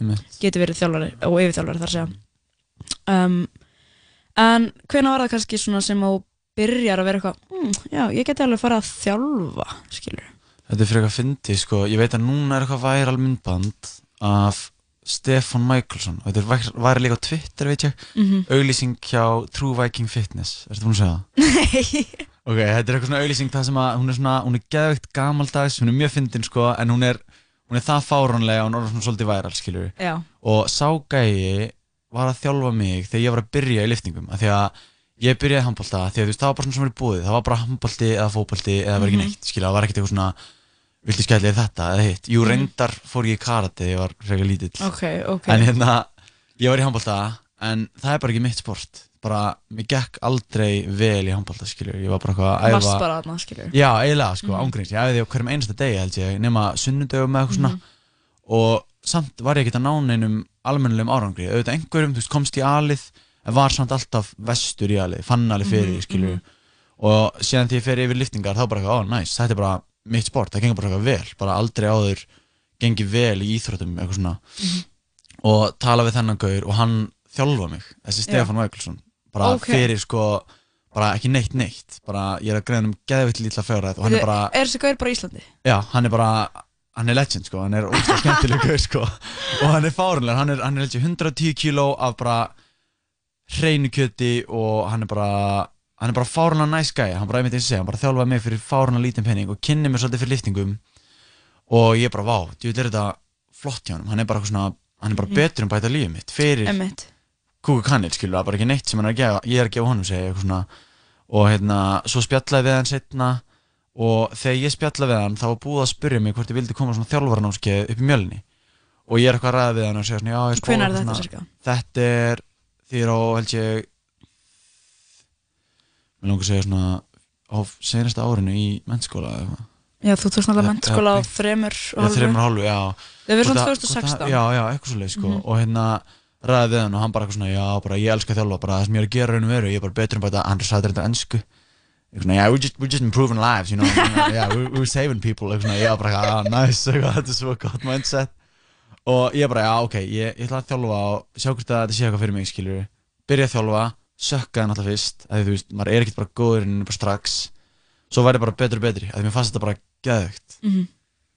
að bara svona einhver gerði eitthvað illa og ég gæti bara komið, hjálpað mm -hmm. og hún gerði það vel Einmitt. skilur og fannst þér ekkert óþægild að byrja að þjálfa að vera með svona fixa fólk að vera eitthvað svona, heyrðu þú ert að gera smá vittlist líka þegar maður byrjaði svona ungur sko, mm -hmm. að þá var fólk bara eitthvað bara, og ég finna alveg enda fyrir í dag sko, veist, þó að ég sé búin að vera þjálfið svona langan tíma að maður kom, maður var bara eitthvað 19 ára og var bara svona að segja einhverjum sem er 35 ára að að gera þetta aðeins vittlaust, ég myndi að laga þetta og þau bara, mm -hmm. þú veist, hver í fokkunum er þetta, skilju, bara right. ég er hérna búin að gera þetta svona í 20 ár, þú mm -hmm. veist ekki mhm. neitt, skilju, sem maður fattar alveg, bara þú veist, þetta er eitthvað skrítið ef ég var að taka hnjöpu í gyminu og svo kemur bara einhver 17 ára til minn bara, að ah, ég myndi aðeins bæta formið þetta, ég myndi passa þetta, eh, skilju, maður svona, það er svolítið erfitt að brjóta hennan barri, ég er að geta bara tekið öll, allir í ganglinni, mm -hmm. sko, fann gæðið mikið fyrir því og svo bara svona með áinni reynslu og áinni bara virðingu líka í gyminu sem verðt og þá bara virðir fólk aðeins meira það sem þú ætti að segja og mm -hmm. þú líka bara sem þjálfari þú ert alveg hættur, eins og ekki í dag ég er alveg hættur að segja eitthvað bara því að ég held það síðan eða einhver annars að þetta er alltaf bara mm -hmm. svona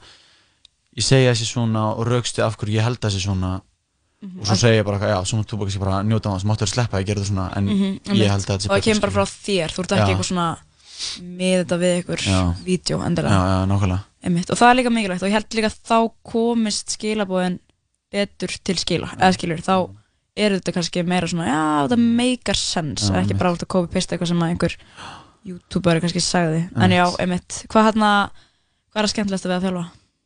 Ég held að sé angrið sem að Stefán var að tala um sko bara eitthvað svona já. þegar maður fær stundum bara eitthvað gæðveikt einanlegt frá einhverju fólki bara og þú ert alltaf svo góð og flottur og bara þú gerir þetta svo betra og svo mm -hmm. bara mhm. svona líka með enga þjálfuna þá bara svona farðu að sjá gæðveikt mælanlegan árangur hann kom til mín og eftir þrjá mánu ég var búin að bæta hann hefðbuna um 60 kíló og mm -hmm. sanga þessi myndbandi þá formið bara fjóru svona betra skilur Einmitt. sem bara gæðveikt sko. og þú hérna, ert mikið mitt í þessum kraftliftingum þessum mm -hmm. svona þungu eða svona dauðurheyfingum í rauninni ja, ja. Þessum, já, ja. þessi kraftliftur sko það er hérna réttstilifta, njöpega backpressa og svo vinn ég líka með hana militýrpressu, mm -hmm. bara dauðu axlapressa sko og þetta er náttúrulega bara æfingar sem að maður þarf svolítið að vera með teknísk, mm. teknísk atrið að þú þarf, þú veist þú getur ekkert eitthvað svona, að ég ætla að rikja eins eða ég ætla að nota eins fætnar, eða ég ætla eitthvað svona þú ert bara að mm. nota já, svolítið svona dauðar reyfingar sko Þetta er, þetta er svona sérstaklega með bara, að ég er bara með alltaf þessar reyfingar þetta er svo vannmetinn tekní, mm -hmm. þetta er backpressa fólk bara leggst á back og byrjar að pressa, mhm. að skilja, að mm -hmm. það spáir einhvern veginn ekkert hvað það er að gera og ég er ennþá, þú veist, á ógeðslega langt í það að fá mjög góða tækni öllum eins og liftum, þú veist, og ég er bara að reyna að bæta eins og ég get uh, en mér fannst svona áhuga að verðast, bara svona eins og með deadliftið, þú veist, þetta er ekki bara að taka stöngu, skilju mm -hmm. þetta er svo mikil tækni og bara þeim er meira sem er að kynna sér þetta og fyrir mér í dag þá er þetta allt bara einhverjir þjálfarar á netinu og mm -hmm. einhver svona stuttabækur og podcast og hérna já, mér finnst það ekki að skemmtilegt, sko en ég var ekkert menta með neitt, þú veist, ég var ekkert farað inn á námski eða neitt svoleiði, sko Ég er að fara reyndar á crossfit level 1. Já, ok. Það er stemning. Kanski farið ég eitthvað yfir eitthvað skemmtilegt átt sem maður græðir á sko. Já, maður getur alltaf lært eitthvað sko. Ah. En svo er eitt sko að þú tala svolítið um svona betrum bæta líf fólks og svona þú veist, uh, ég get alveg giska á kannski þegar þú ert að byrja að þjálfa það varst ekkert endilega að hugsa um það nákvæmlega. Það vart líka mm. bara að ah, næs að vinna, skiljum. Mm. En kannski er það líka bara þegar maður þroskast og maður fattar svona hvað næsa ég geti gert það og hvað næsa ég geti treyft mig bara hvað næsa að mm. ég getur það betri Já. bætt mig í einhverjum hlutum og hvernig finnst þér áhersluna þínar sem þjálfari verið búin að breytast? Ég fekk náttúrulega eftir, ég talaði eitthvað um þetta ég veit ekki hvort ég talaði um þetta í gymþættinu sko, en þegar ég lendi hérna áfallinu mm -hmm. fyrir hérna heilarskaraðgerna og það að þá fekk ég bara svona að því að hann talaði um eitthvað sem ég hef ekki dórið blindur og mm -hmm. eitthvað svo leiðis að þá fekk ég bara svona fáranlegt búst bara eitthvað, oh my god, þetta er svo ekki sjálfsagt bara eitthvað svona, mögulega hefði sjónin bara verið tekin aðeins, skilur, og bara svona svona aðri og bara kunni ekki að mikið að meta mína eigin hilsu og þar aflegðandi vildi ég svo mikið koma á framfæri til fólks, þú veist, bara þetta er ekki sjálfsagt og nýttu það sem þú hefur og mm -hmm. reyðu þið vel og eitthvað svona þannig að svona, ég myndi segja kannski svona mestu áherslan sem ég hef núna er bara svona reyðu vel, góð gæði og þetta er svona kemur svolítið mikið inn á þetta nýlega engum hjá mér bara þú veist, láttu gæðin og reyfingarnar verið fyrsta sæti og svo getur eitthvað svona viðmið einmitt, komið eftir það skilur já, þetta er svona, ekki bara eitthvað að mæta og rústa sér já, algjörlega. einmitt já, líka bara þú veist, eins og bara maður tekur einhver reyfingu fyrir þú veist, eins og wallballs, skilur, mm Mhm. flestum kannast við þessa reyfingu viðmið er einhver lína sem þú kastar Mhm. boltana með þér og ef fólk er með það bara fyrsta sæti að þá kastar að boltana bara yfir þessa línu en ekkert skal ekki það spá í því að fara í fulla dýft í nýjöpuðinni mm -hmm. eða er bara að beita sér gæðið dýtlaðar sem meðmyndar að skjótast upp miklu hraðar heldur en axlirnar bara því að langar svo að ná þessu viðmið skilur sem búið mm -hmm. til. Mér finnst miklu frekar að þetta ætti að vera þú veist gæðin er nummer eitt, þannig að byrja bara því að komast kannski í einstjúpa nýjöpuð þú kennst í og eftir það allra rösklega rétt úr þér og þar segir þú veist axlunar meðan það frá samanræðu upp og síðan kastar bóltanum upp í einhverja hæð mm -hmm. svo getur þú búið til eitthvað viðmið bara, heilu, mm -hmm. ég mhm. ætla alltaf að kasta bóltanum yfir þessa línu eða skilju bara eða yfir þessa línu eða eitthvað svona skilju bara með þetta það ætti að vera svona rjómi með kökun en ekki bara eitthvað sem að þú hugsar bara út í eitthvað svona fattar þau pælinguna? Já ég held að þetta sé líka svolítið bara að byrja að gera, gera þetta vel mm -hmm. og þó að þetta fari ekki einmitt alltaf allarleið upp eða Já. þó náur ekki nákvæmlega þessari þingt eða eitthvað svona þá ertu alveg að gera þetta rétt mm. og eftir því sem þú gerir þetta ofta rétt þá verður þú sterkar í þeirri hreyfingu Já, nákvæmlega, og það er líka bara svona Lítið skref Já, einmitt mm. Þetta er einmitt svona, þú veist, þú kemur að linda og þú æfir mikið sjálf, þú veist, mm. crossfit og svona að það er svolítið mikil munur, maður hefur heyrt það, þú veist, eins og bara crossfit tjálf var að tala svona um það, það er svolítið mikil munur á sport crossfit og svo bara svona crossfit fyrir fólkið, skilur mm -hmm. Þetta er sport crossfit, það verður bara að pointa, point en þú veist, skilvirkni er heldur bara í fyrsta sæti, skilur mm -hmm. en svo, þú veist, bara crossfit fyrir fólkið þá snýst það náttúrulega bara um það að verða sterkur og betri mannskja, skilur mm. að þá er þetta ekki endilega bara eitthvað viðmið, eitthvað point A, point B eins og hratt og mögulega getur eitthvað svona og svona gott af um þetta, bara þegar fólk er farið að geta gert sko butterflies uppbyggingar ja. eða svona rosalega hraðar ja. uppbyggingar sem að telljast með chest og bar, en geta ekki gert eina döiða, það er svona svolítið munurinn kannski. Já, já, já ég er alls saman að því að það er einmitt svona, maður, maður vill líka bara vera sterkur, skiljið. Já, svolítið sko. Að, þú veist að það er ekki að vera einmitt sterkur sko, þess að bara hvað dótið sem ég er að gera, þú veist, mm -hmm. deadlift og svoleiði stótt, en bara mér finnst svona flestur svona tímar, veist, eins og crossfit, eins og mikið ég fýla það og bara eins og vikingatryggið og allt þetta, að þetta snýst svolítið bara um að verða sterkari manneskja, en sem bara svona allt verður svolítið meira frétta, þú veist. Mm -hmm bara þú komið aðeins betur úthald og þú beitir aðeins betur bara með aukinni reyfi getur skilur og þú ert sterkar líka, þú veist að þú ert að taka mér nýjar þingdir og svona þannig svona hafa það svolítið sko, í fyrsta sæti og svo búa til einhver viðmið að þú vilt gera það einhver sporti sko. Þannig að við ætlum að fá að hlusta eitt lag mm. og heldum svo áfram með þetta góða spjall um, Lagið sem ég vil spila, það er bara lagböðar sem að minna mig svolítið á þig Viltu giska hvað lagið er? Eh, þetta er John Mayer Já ah. Þetta er lægið um, New Lights Nei, New, New Light með John Mayer, okkar allra besta Hlustum á þetta lag og komum svo aftur eftir örskama stund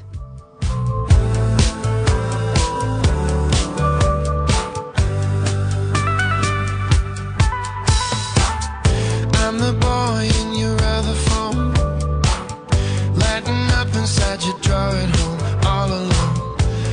Forty in the friend zone. We talking, then you walk away.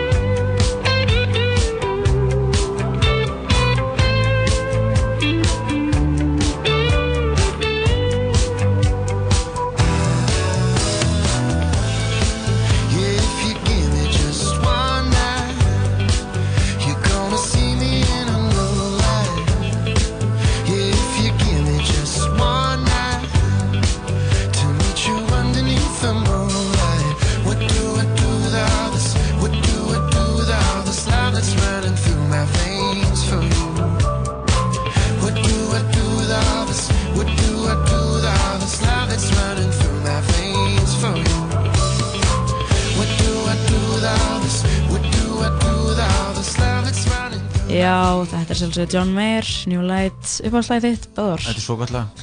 Mjög gott lag, mm. en hjá mér situr Böðar Tandri Reynsson, Bötti, Bötti þjálfari, Bötti coach. Og við erum að tala um svolítið um þjálfari lífið, sko. Hvernig er að vera þjálfari? Mm. Við erum að fara um við en um völl og við erum að fara svolítið yfir svona hvernig þetta byrja allt saman og, og hvernig svona áherslunar þínar eru.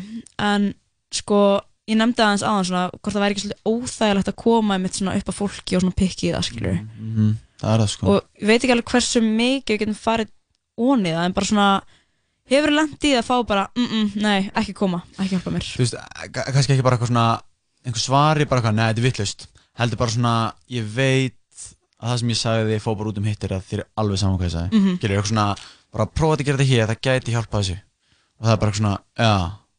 og maður er bara, heyrðu, fyrirgæði kom hérna Ég fæði nefnilega greitt eftir því hvað sem marga ég bögga, skiljur, þannig að ég böggaði þig bara eitthvað, nei, bara ég reyna að hjálpa þig, skiljur, en hérna, það gerist bara all the time, það gerist núna nýla, bara því að það er þalga vinginþrygg. Mhm. Mm -hmm. Ég bara lappaði að mannesku, reynda að hjálpa og það var bara eins og ég var að vera dóni og þú veist, mm -hmm. bara ég er eiginlega alltaf með sömformu, ég kem, fyrst segi ég bara eitthvað sem gekk vel, að því í 99% það var eitthvað mm -hmm. sem gekk vel og svo var eitthvað eitt í auðvitað sem þarlega, þannig byrjuðu því, bara þetta var geðað flott þannig ég er, ég er að fylgjast með þér bara núna veit mannskjana okkar, hann sá að ég var að gera þetta hér eitthvað svona, svo kemur ég á en prófum að leif okkur að gera þetta hér að gæti hjálpa með þetta hérna mm -hmm. skilja, þetta er svolítið svona, þú veist, þetta er miklu betra finnst mér heldur en að lappa einhverjum og bara úr það standa hans bröðar og lappa burt mm -hmm. skilja, það er bara svona, þú sökkar og lappa burt. Að þetta er sko uh, eh, meirinn að segja, ja. ég get alveg ótt að vera það, því að nú ég var alveg verið að þjálfa aðeins og ég er mjög mikið pælt í þessu mm -hmm að því að maður er bara að laga og þú veist, fólk vill stundum fá bara hvað er ekki að villast, mm -hmm. segðu maður núna, ja. skilur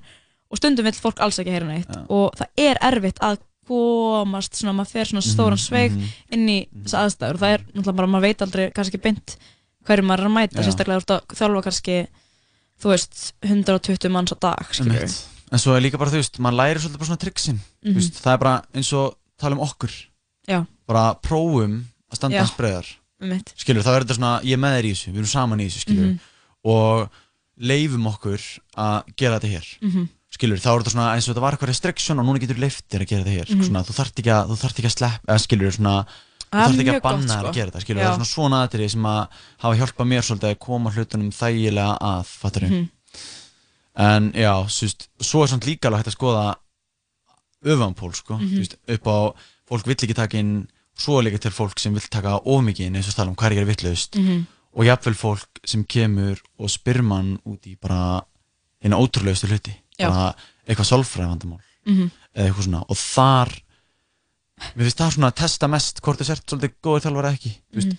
veistu raunverulega hvað þarf að laga eða veistu það ekki og ef þú veist það ekki, þá bara veist það ekki Emitt. skiljur við, það er svo ofta sem þjálfur eru komin þér á einhvern svona pall skilur, að því maður er þjálfarin þú veist, þú ert að reyna að mm -hmm. fólki og þú þart að vita eins betur og svona svo er það spurðir að einhverju bara fáranleg, skilur, bara ég er að fá hérna stingi olbón sem leiðir inn í vinstra hérna nýðum mér sem að hérna ég fæ svona kýtt alltaf eistun þegar ég být í eitthvað svona bara, bara veit ekkert hvað hann er að tala um og það er bara eitthvað, já, prófaðu wallballs eða skilur, bara svona mm -hmm. bara verður að hafa efnaði að vita hvort að tala um eða bara, já, ég bara veit ekki sko. Ég er sko. svolítið svona hvenar allar að draga línuna, sko já, veist, hvenar allar að sko. vera bara eitthvað og hvernig ætlar að vera bara skynnsamur þjálfari bara nei, nú þarf þú að kíka til lengs eða þú veist, já.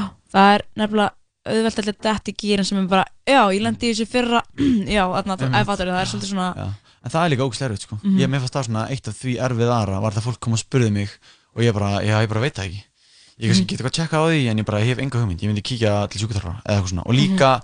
eins og það kemur fólk á æfingar og þetta er það erfiðast í heiminum æfingin er ekki byrjuð Já. og það er bara eitthvað heyrðu ég bara drepast í njánum mjóbakinn og olbónum Já. hvað get ég gert í staðin? þú ætti alltaf að fara heim í rúmi þú sko. ert að auðvitað þú ert að drepast í njánum, olbónum og mjóbakinnu þannig að það er, bara, það er ekki að takla lengur þú getur ekki þetta, getur ekki ekki njöpu getur ekki pressa, toga, það er bara það er ekkert í búða einhvern veginn og maður bara svona æfingin er ekki byrjuð bara farið sund uh, já, kannski bara sundhöllin er hérna rétt hjá kíktu þungað, eða skilur, þetta er bara mhm. svona það er öruglega það erfiðasta að bara svona, að því skinsamlega þarf maður að svara ég, bara, ég veit ekki hvort þú ættir að vera á æfingu sko, já, bara farðu já, eiginlega, bara farðu út en sko, hérna. svona, talað um það þá er eiginlega rauninni svona eina sem ég hef stundum sem svona þinn kannski nefandi mm. um, stundum svona látið fram hjá mér fara þú veist, farið bara innum eitt og út um hitt skilur, já. það er um þetta þú veist, vilt ekki bara kvíla og ég bara, jú, ég ætla að gera á morgun ah. og bara, nei, ég get ekki að gera eða skilur, en ég sé svona stundum er þetta líka bara hausinn, maður er bara eitthvað andlega vilt fræðingu, en þetta er eitthvað sem þú leggur svolítið mikið áherslu á líka er bara að passa upp á líkamann að þú áttu ekki að vera hreyfaður ílt Nei, þetta er líka þú veist, eitt sem maður fattar ekkert alveg endilega, þú veist, mér finnst það svo fæstir fatt þetta, mm -hmm. á æfingu ertu að skemma Einmitt. þú ert verri í reyfingunni beint eftir reyfinguna þú, veist, þú, ert bara, þú ert búin að eigðilegja, mm -hmm. þú ert búin að mhm. ráðast rétt á líkamæðin skilju síðan líða fjóri dagar og þá er líkamæðin búin að engeðslega endur forrita sig og er mm -hmm. tilbúin í meira lót skilju, þannig að á æfingunni sjálfri þú ert að skemma, þú ert að eigðilegja svo þartu kvildina, þar verður það að setja allt saman upp og nýtt og laga mm -hmm. og þú veist þú lendir ykkur áfalli sem var æfingin og líkamæðin er bara, vá ég verður tilbúin í næsta áfall mhm. skilju Einmitt. og það er eitthvað sem ég er alltaf að leggja áherslu á bara, þú veist, kvildu vel, borða vel, soðu vel Einmitt. æfingin er bara, bara skemmtileg parturinn, skilur, hann okkur öllum frá mhm. æfingar, ógstlega gaman æfingu Já. leðilega erfið parturinn er að sofa alltaf í 8-10 tíma borða alltaf ógstlega Það er ekkert það leðilegt En já, þú veist, þú ógstlega fattar hvað ég menna svona, En, en já, einmitt sérstaklega að þurfa að kvíla og þurfa að geta gera með. Ofta er þetta líka bara sérstaklega þegar maður er í svona hóp uh, þjálfun að þá er það bara stemningin, skilur, þú vilt bara mæta um með og svo ég vil mæti maður, maður, ég ætla ekki að, ég ætla bara að horfa mm. svo samt laumast maður til, a, mm. til að gera eitthvað sko, ja. en já, mér finnst þetta merkilegt sko ég mhm. hérna, er ekki góðið að kvíla mm. en það er líka til dæmis eitt gaur til dæmis eh, sem er búin að mæta 100 mjölninsæðingar röð Já, hann byrgir, legend, legend. Bara, veist, ég sagði þennan strax, bara mæla ekki með þessu Dröglega ekki hold. Það var bara, bara undir þig að já, já. hann gerði það. Hann bara sagði mér ég er að gera það. Bara á æfingu 12 eða eitthvað. Já. Það er bara 80 okkar to go. 100 vikingathregs æfingar og fyrir þá sem ekki vita kannski hvernig vikingathregs æfingarnir eru þá er þetta bara, bara 50 minna kyrsla. Já. Eða þú veist.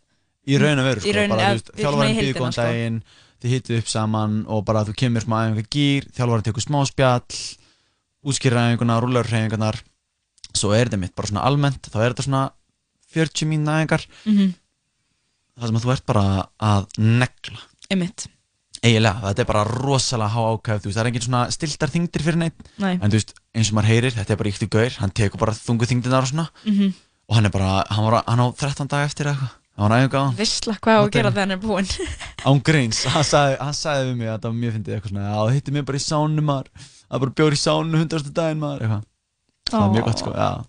Ég, ég, fer, ég fer með hennum í chill eftir eftir að ég sá henni sko, ef hann bara lifir þetta af sko Án gríns, Rosalega, ég held sko. með þessum manni, þetta er, þetta er mjög vel gert Já, þetta er fáránlega erfitt og hann sagði líka að þetta er svona mest fyrir hausin á sig og, sko. og þú veist, þú þarf alveg sterkun hausla að græða þetta oh, sko. Ah, já, ég held það sko en bara eitt sem að skiptir verulega miklu máli allavega hjá manni, manni svo þér, mm. myndi ég halda það er um, hvað maður að hlusta á þegar maður er æfingu og, mm. og mér langar að hafa sem sið í þessum, í þessum podcasti svo kallað yeah.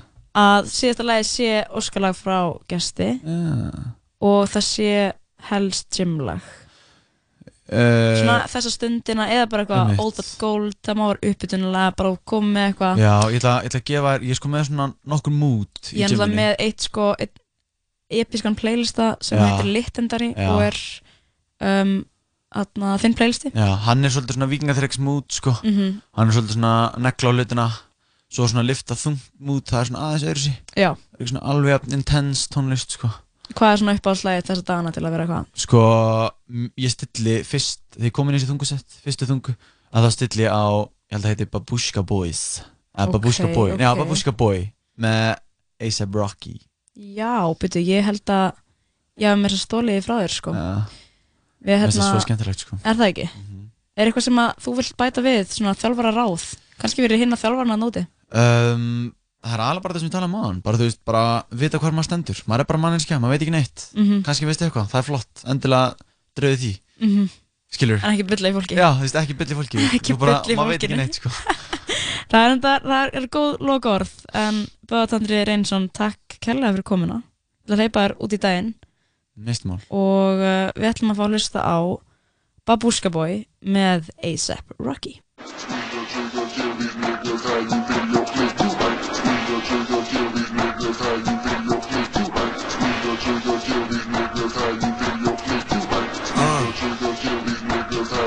They call me FLAC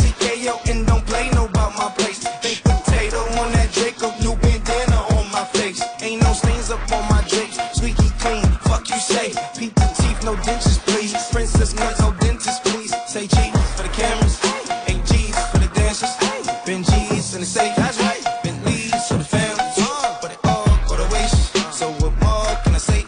Race to the Lord, embrace it. Scar on my face, but wait.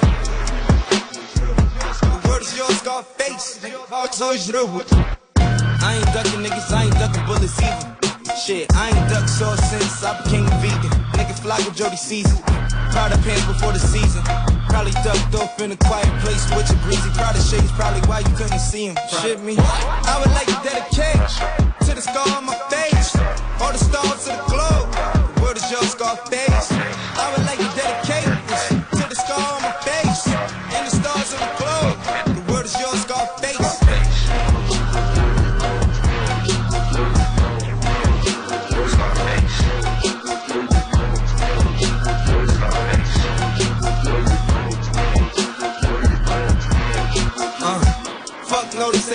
hookah. Smoking while I'm strolling down Wooster. Buck 50 my babushka. No pistol poppers and prostitutes. Car scammers and the Prada boosters. Low top, yeah, the powder blue ones. Robber too, huh? Power to you. Hallelujah, Better pray to God.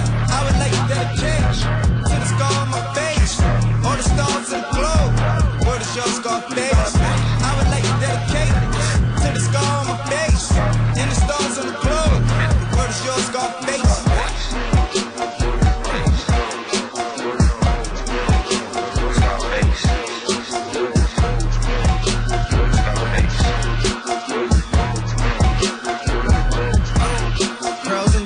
that's excessive. Money, power, that's excessive. Money, problems, that's expected. Marijuana, ass and breasts, pearls and diamonds, that's excessive. Money, power, that's excessive. Money, problems, that's expected. Marijuana, ass and breasts.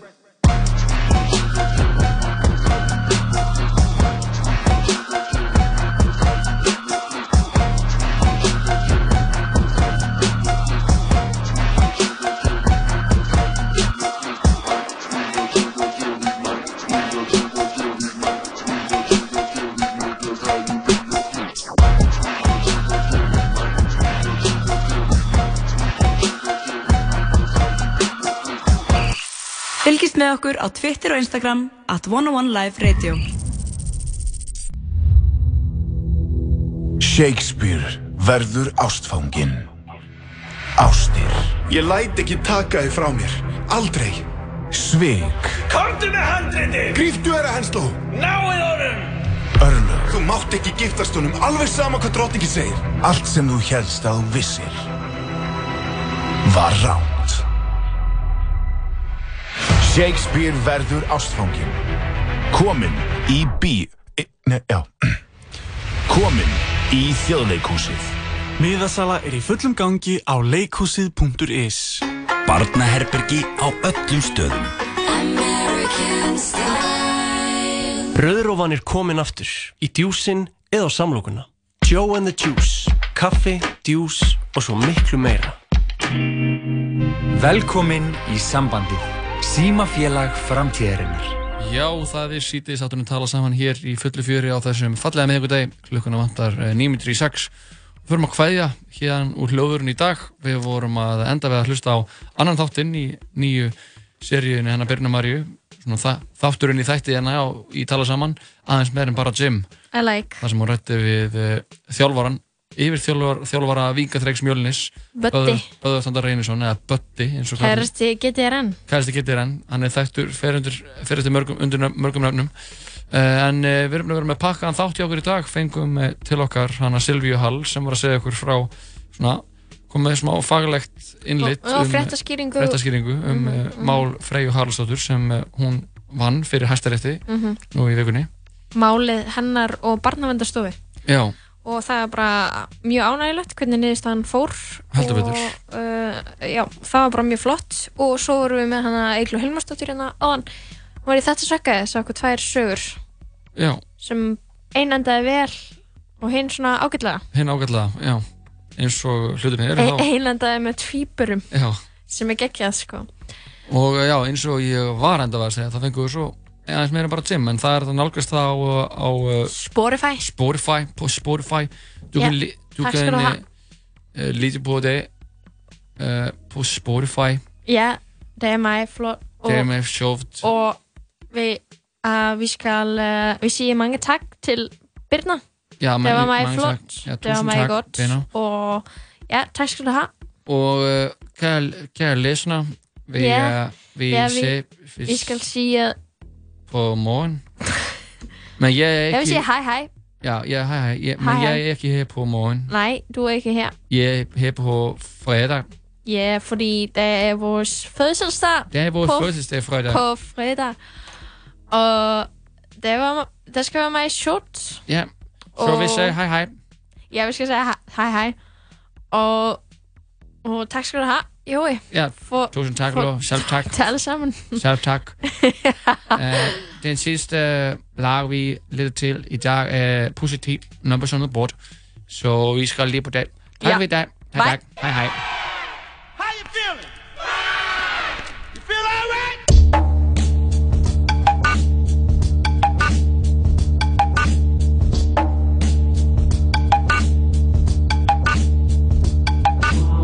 I'm so bossy, bitch, get off me. It's a different jingle when you hear these car keys. Your SL's missing an S, nigga. Your plane's missing a chef. The common theme, see, they both got wings. If you fly, do it to death. It's only one God and it's only one crown. So it's only one king that can stand on this mound. King push, kingpin, overlord. Coast Guard, come a hundred going overboard. I got money with the best of them. Go blow for blow with any Mexican. Don't let your side bitches settle in. Might have to head, but you ever land. Ballers, I put numbers on the boards. Hard to get a handle on this double-edged sword. Whether rapping or I'm rapping to a whore, might reach back and relapse to rapping up this raw. Givenchy fitting like his gym clothes. We really gym stars. I'm like D Rose, no D League. I'm like these clothes. 88 Jordan leaping from the free throw. Ballers, I put numbers on the boards. Ballers, I put numbers on the boards.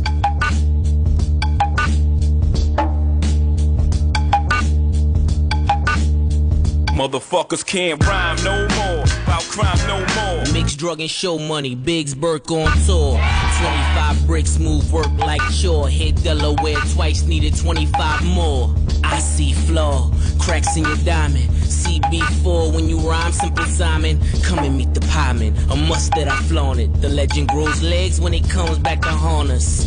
Ballers, I put numbers on the boards. Can't a bitch live and say I bought a Michael Kors. Every car driven was decided by the horse. Keep the sticker in the window case you wonder what it cost. How could you relate when you ain't never been great and rely on rap money to keep food upon your plates, nigga? I might sell a brick on my birthday. 36 years of doing dirt like it's Earth Day.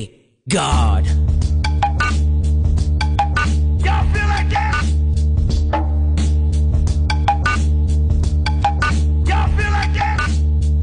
Ballers, I put numbers on the boards. Y'all feel like that? Morgun þátturinn músli, alla virka morgna, með Lóða Petró og Siðubjarti. Í boði Joe and the Jews.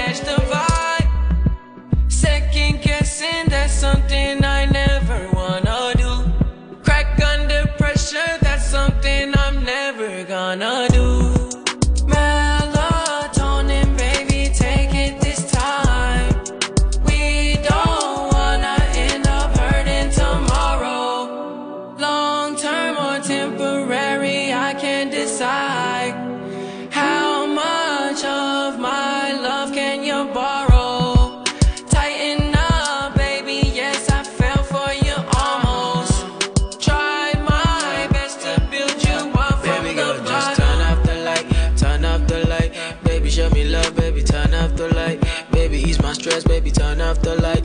Baby, back it up, don't turn up the fight. Turn off the light, my girl say you're fine. I need that energy, I need that energy tonight. Girl, keep it cold and burn up the vibe. Say me no go live tonight, girl, turn up the vibe. Say me no want fight every day. Love it when we play, love it when we yeah yeah. Say me one vibe and replay, leave it up crazy. Love it, baby, yeah yeah.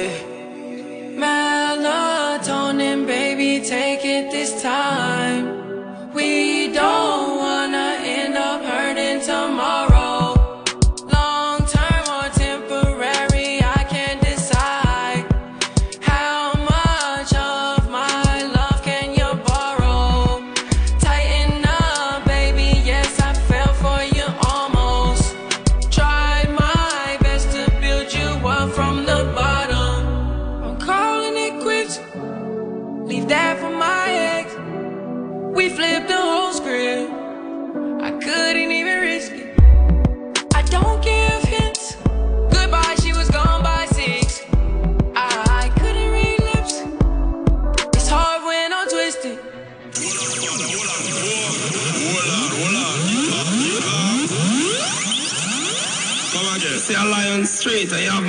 It's a pull-up cartel tune. Y'all bait me up.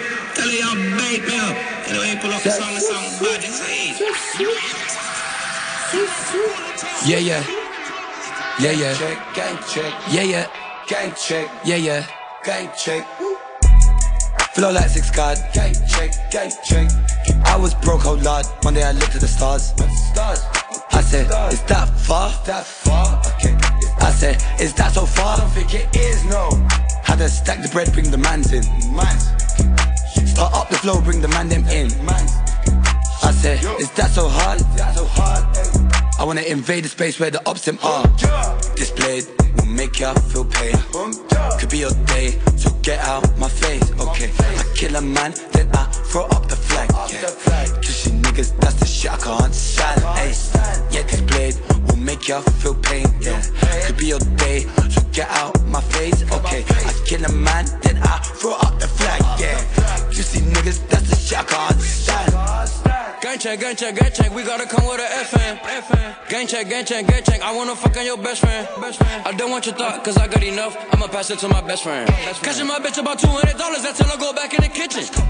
I pop my shit, I talk my shit when I'm in London. London. I got my Draco straight from Russia, foreign bussin'. My Draco with me, nigga, that's my foreign cousin. cousin. Fill these pockets, nigga, this number blue hunnids. Oh, this that gang checkin'? Oh, that bitch naked. I can't leave the house without my Glock or I feel naked. Hold up, put that ass on me, little baby, come and shake it. Get the money, make a move. I slump to stay loose. Money coming from the label. They trust me, I'm able. Newest nigga on the scene. I got a hoochie in the. Yeah, got a hoochie on me. I smoke it to my lungs. This guy got me mung. I don't talk to no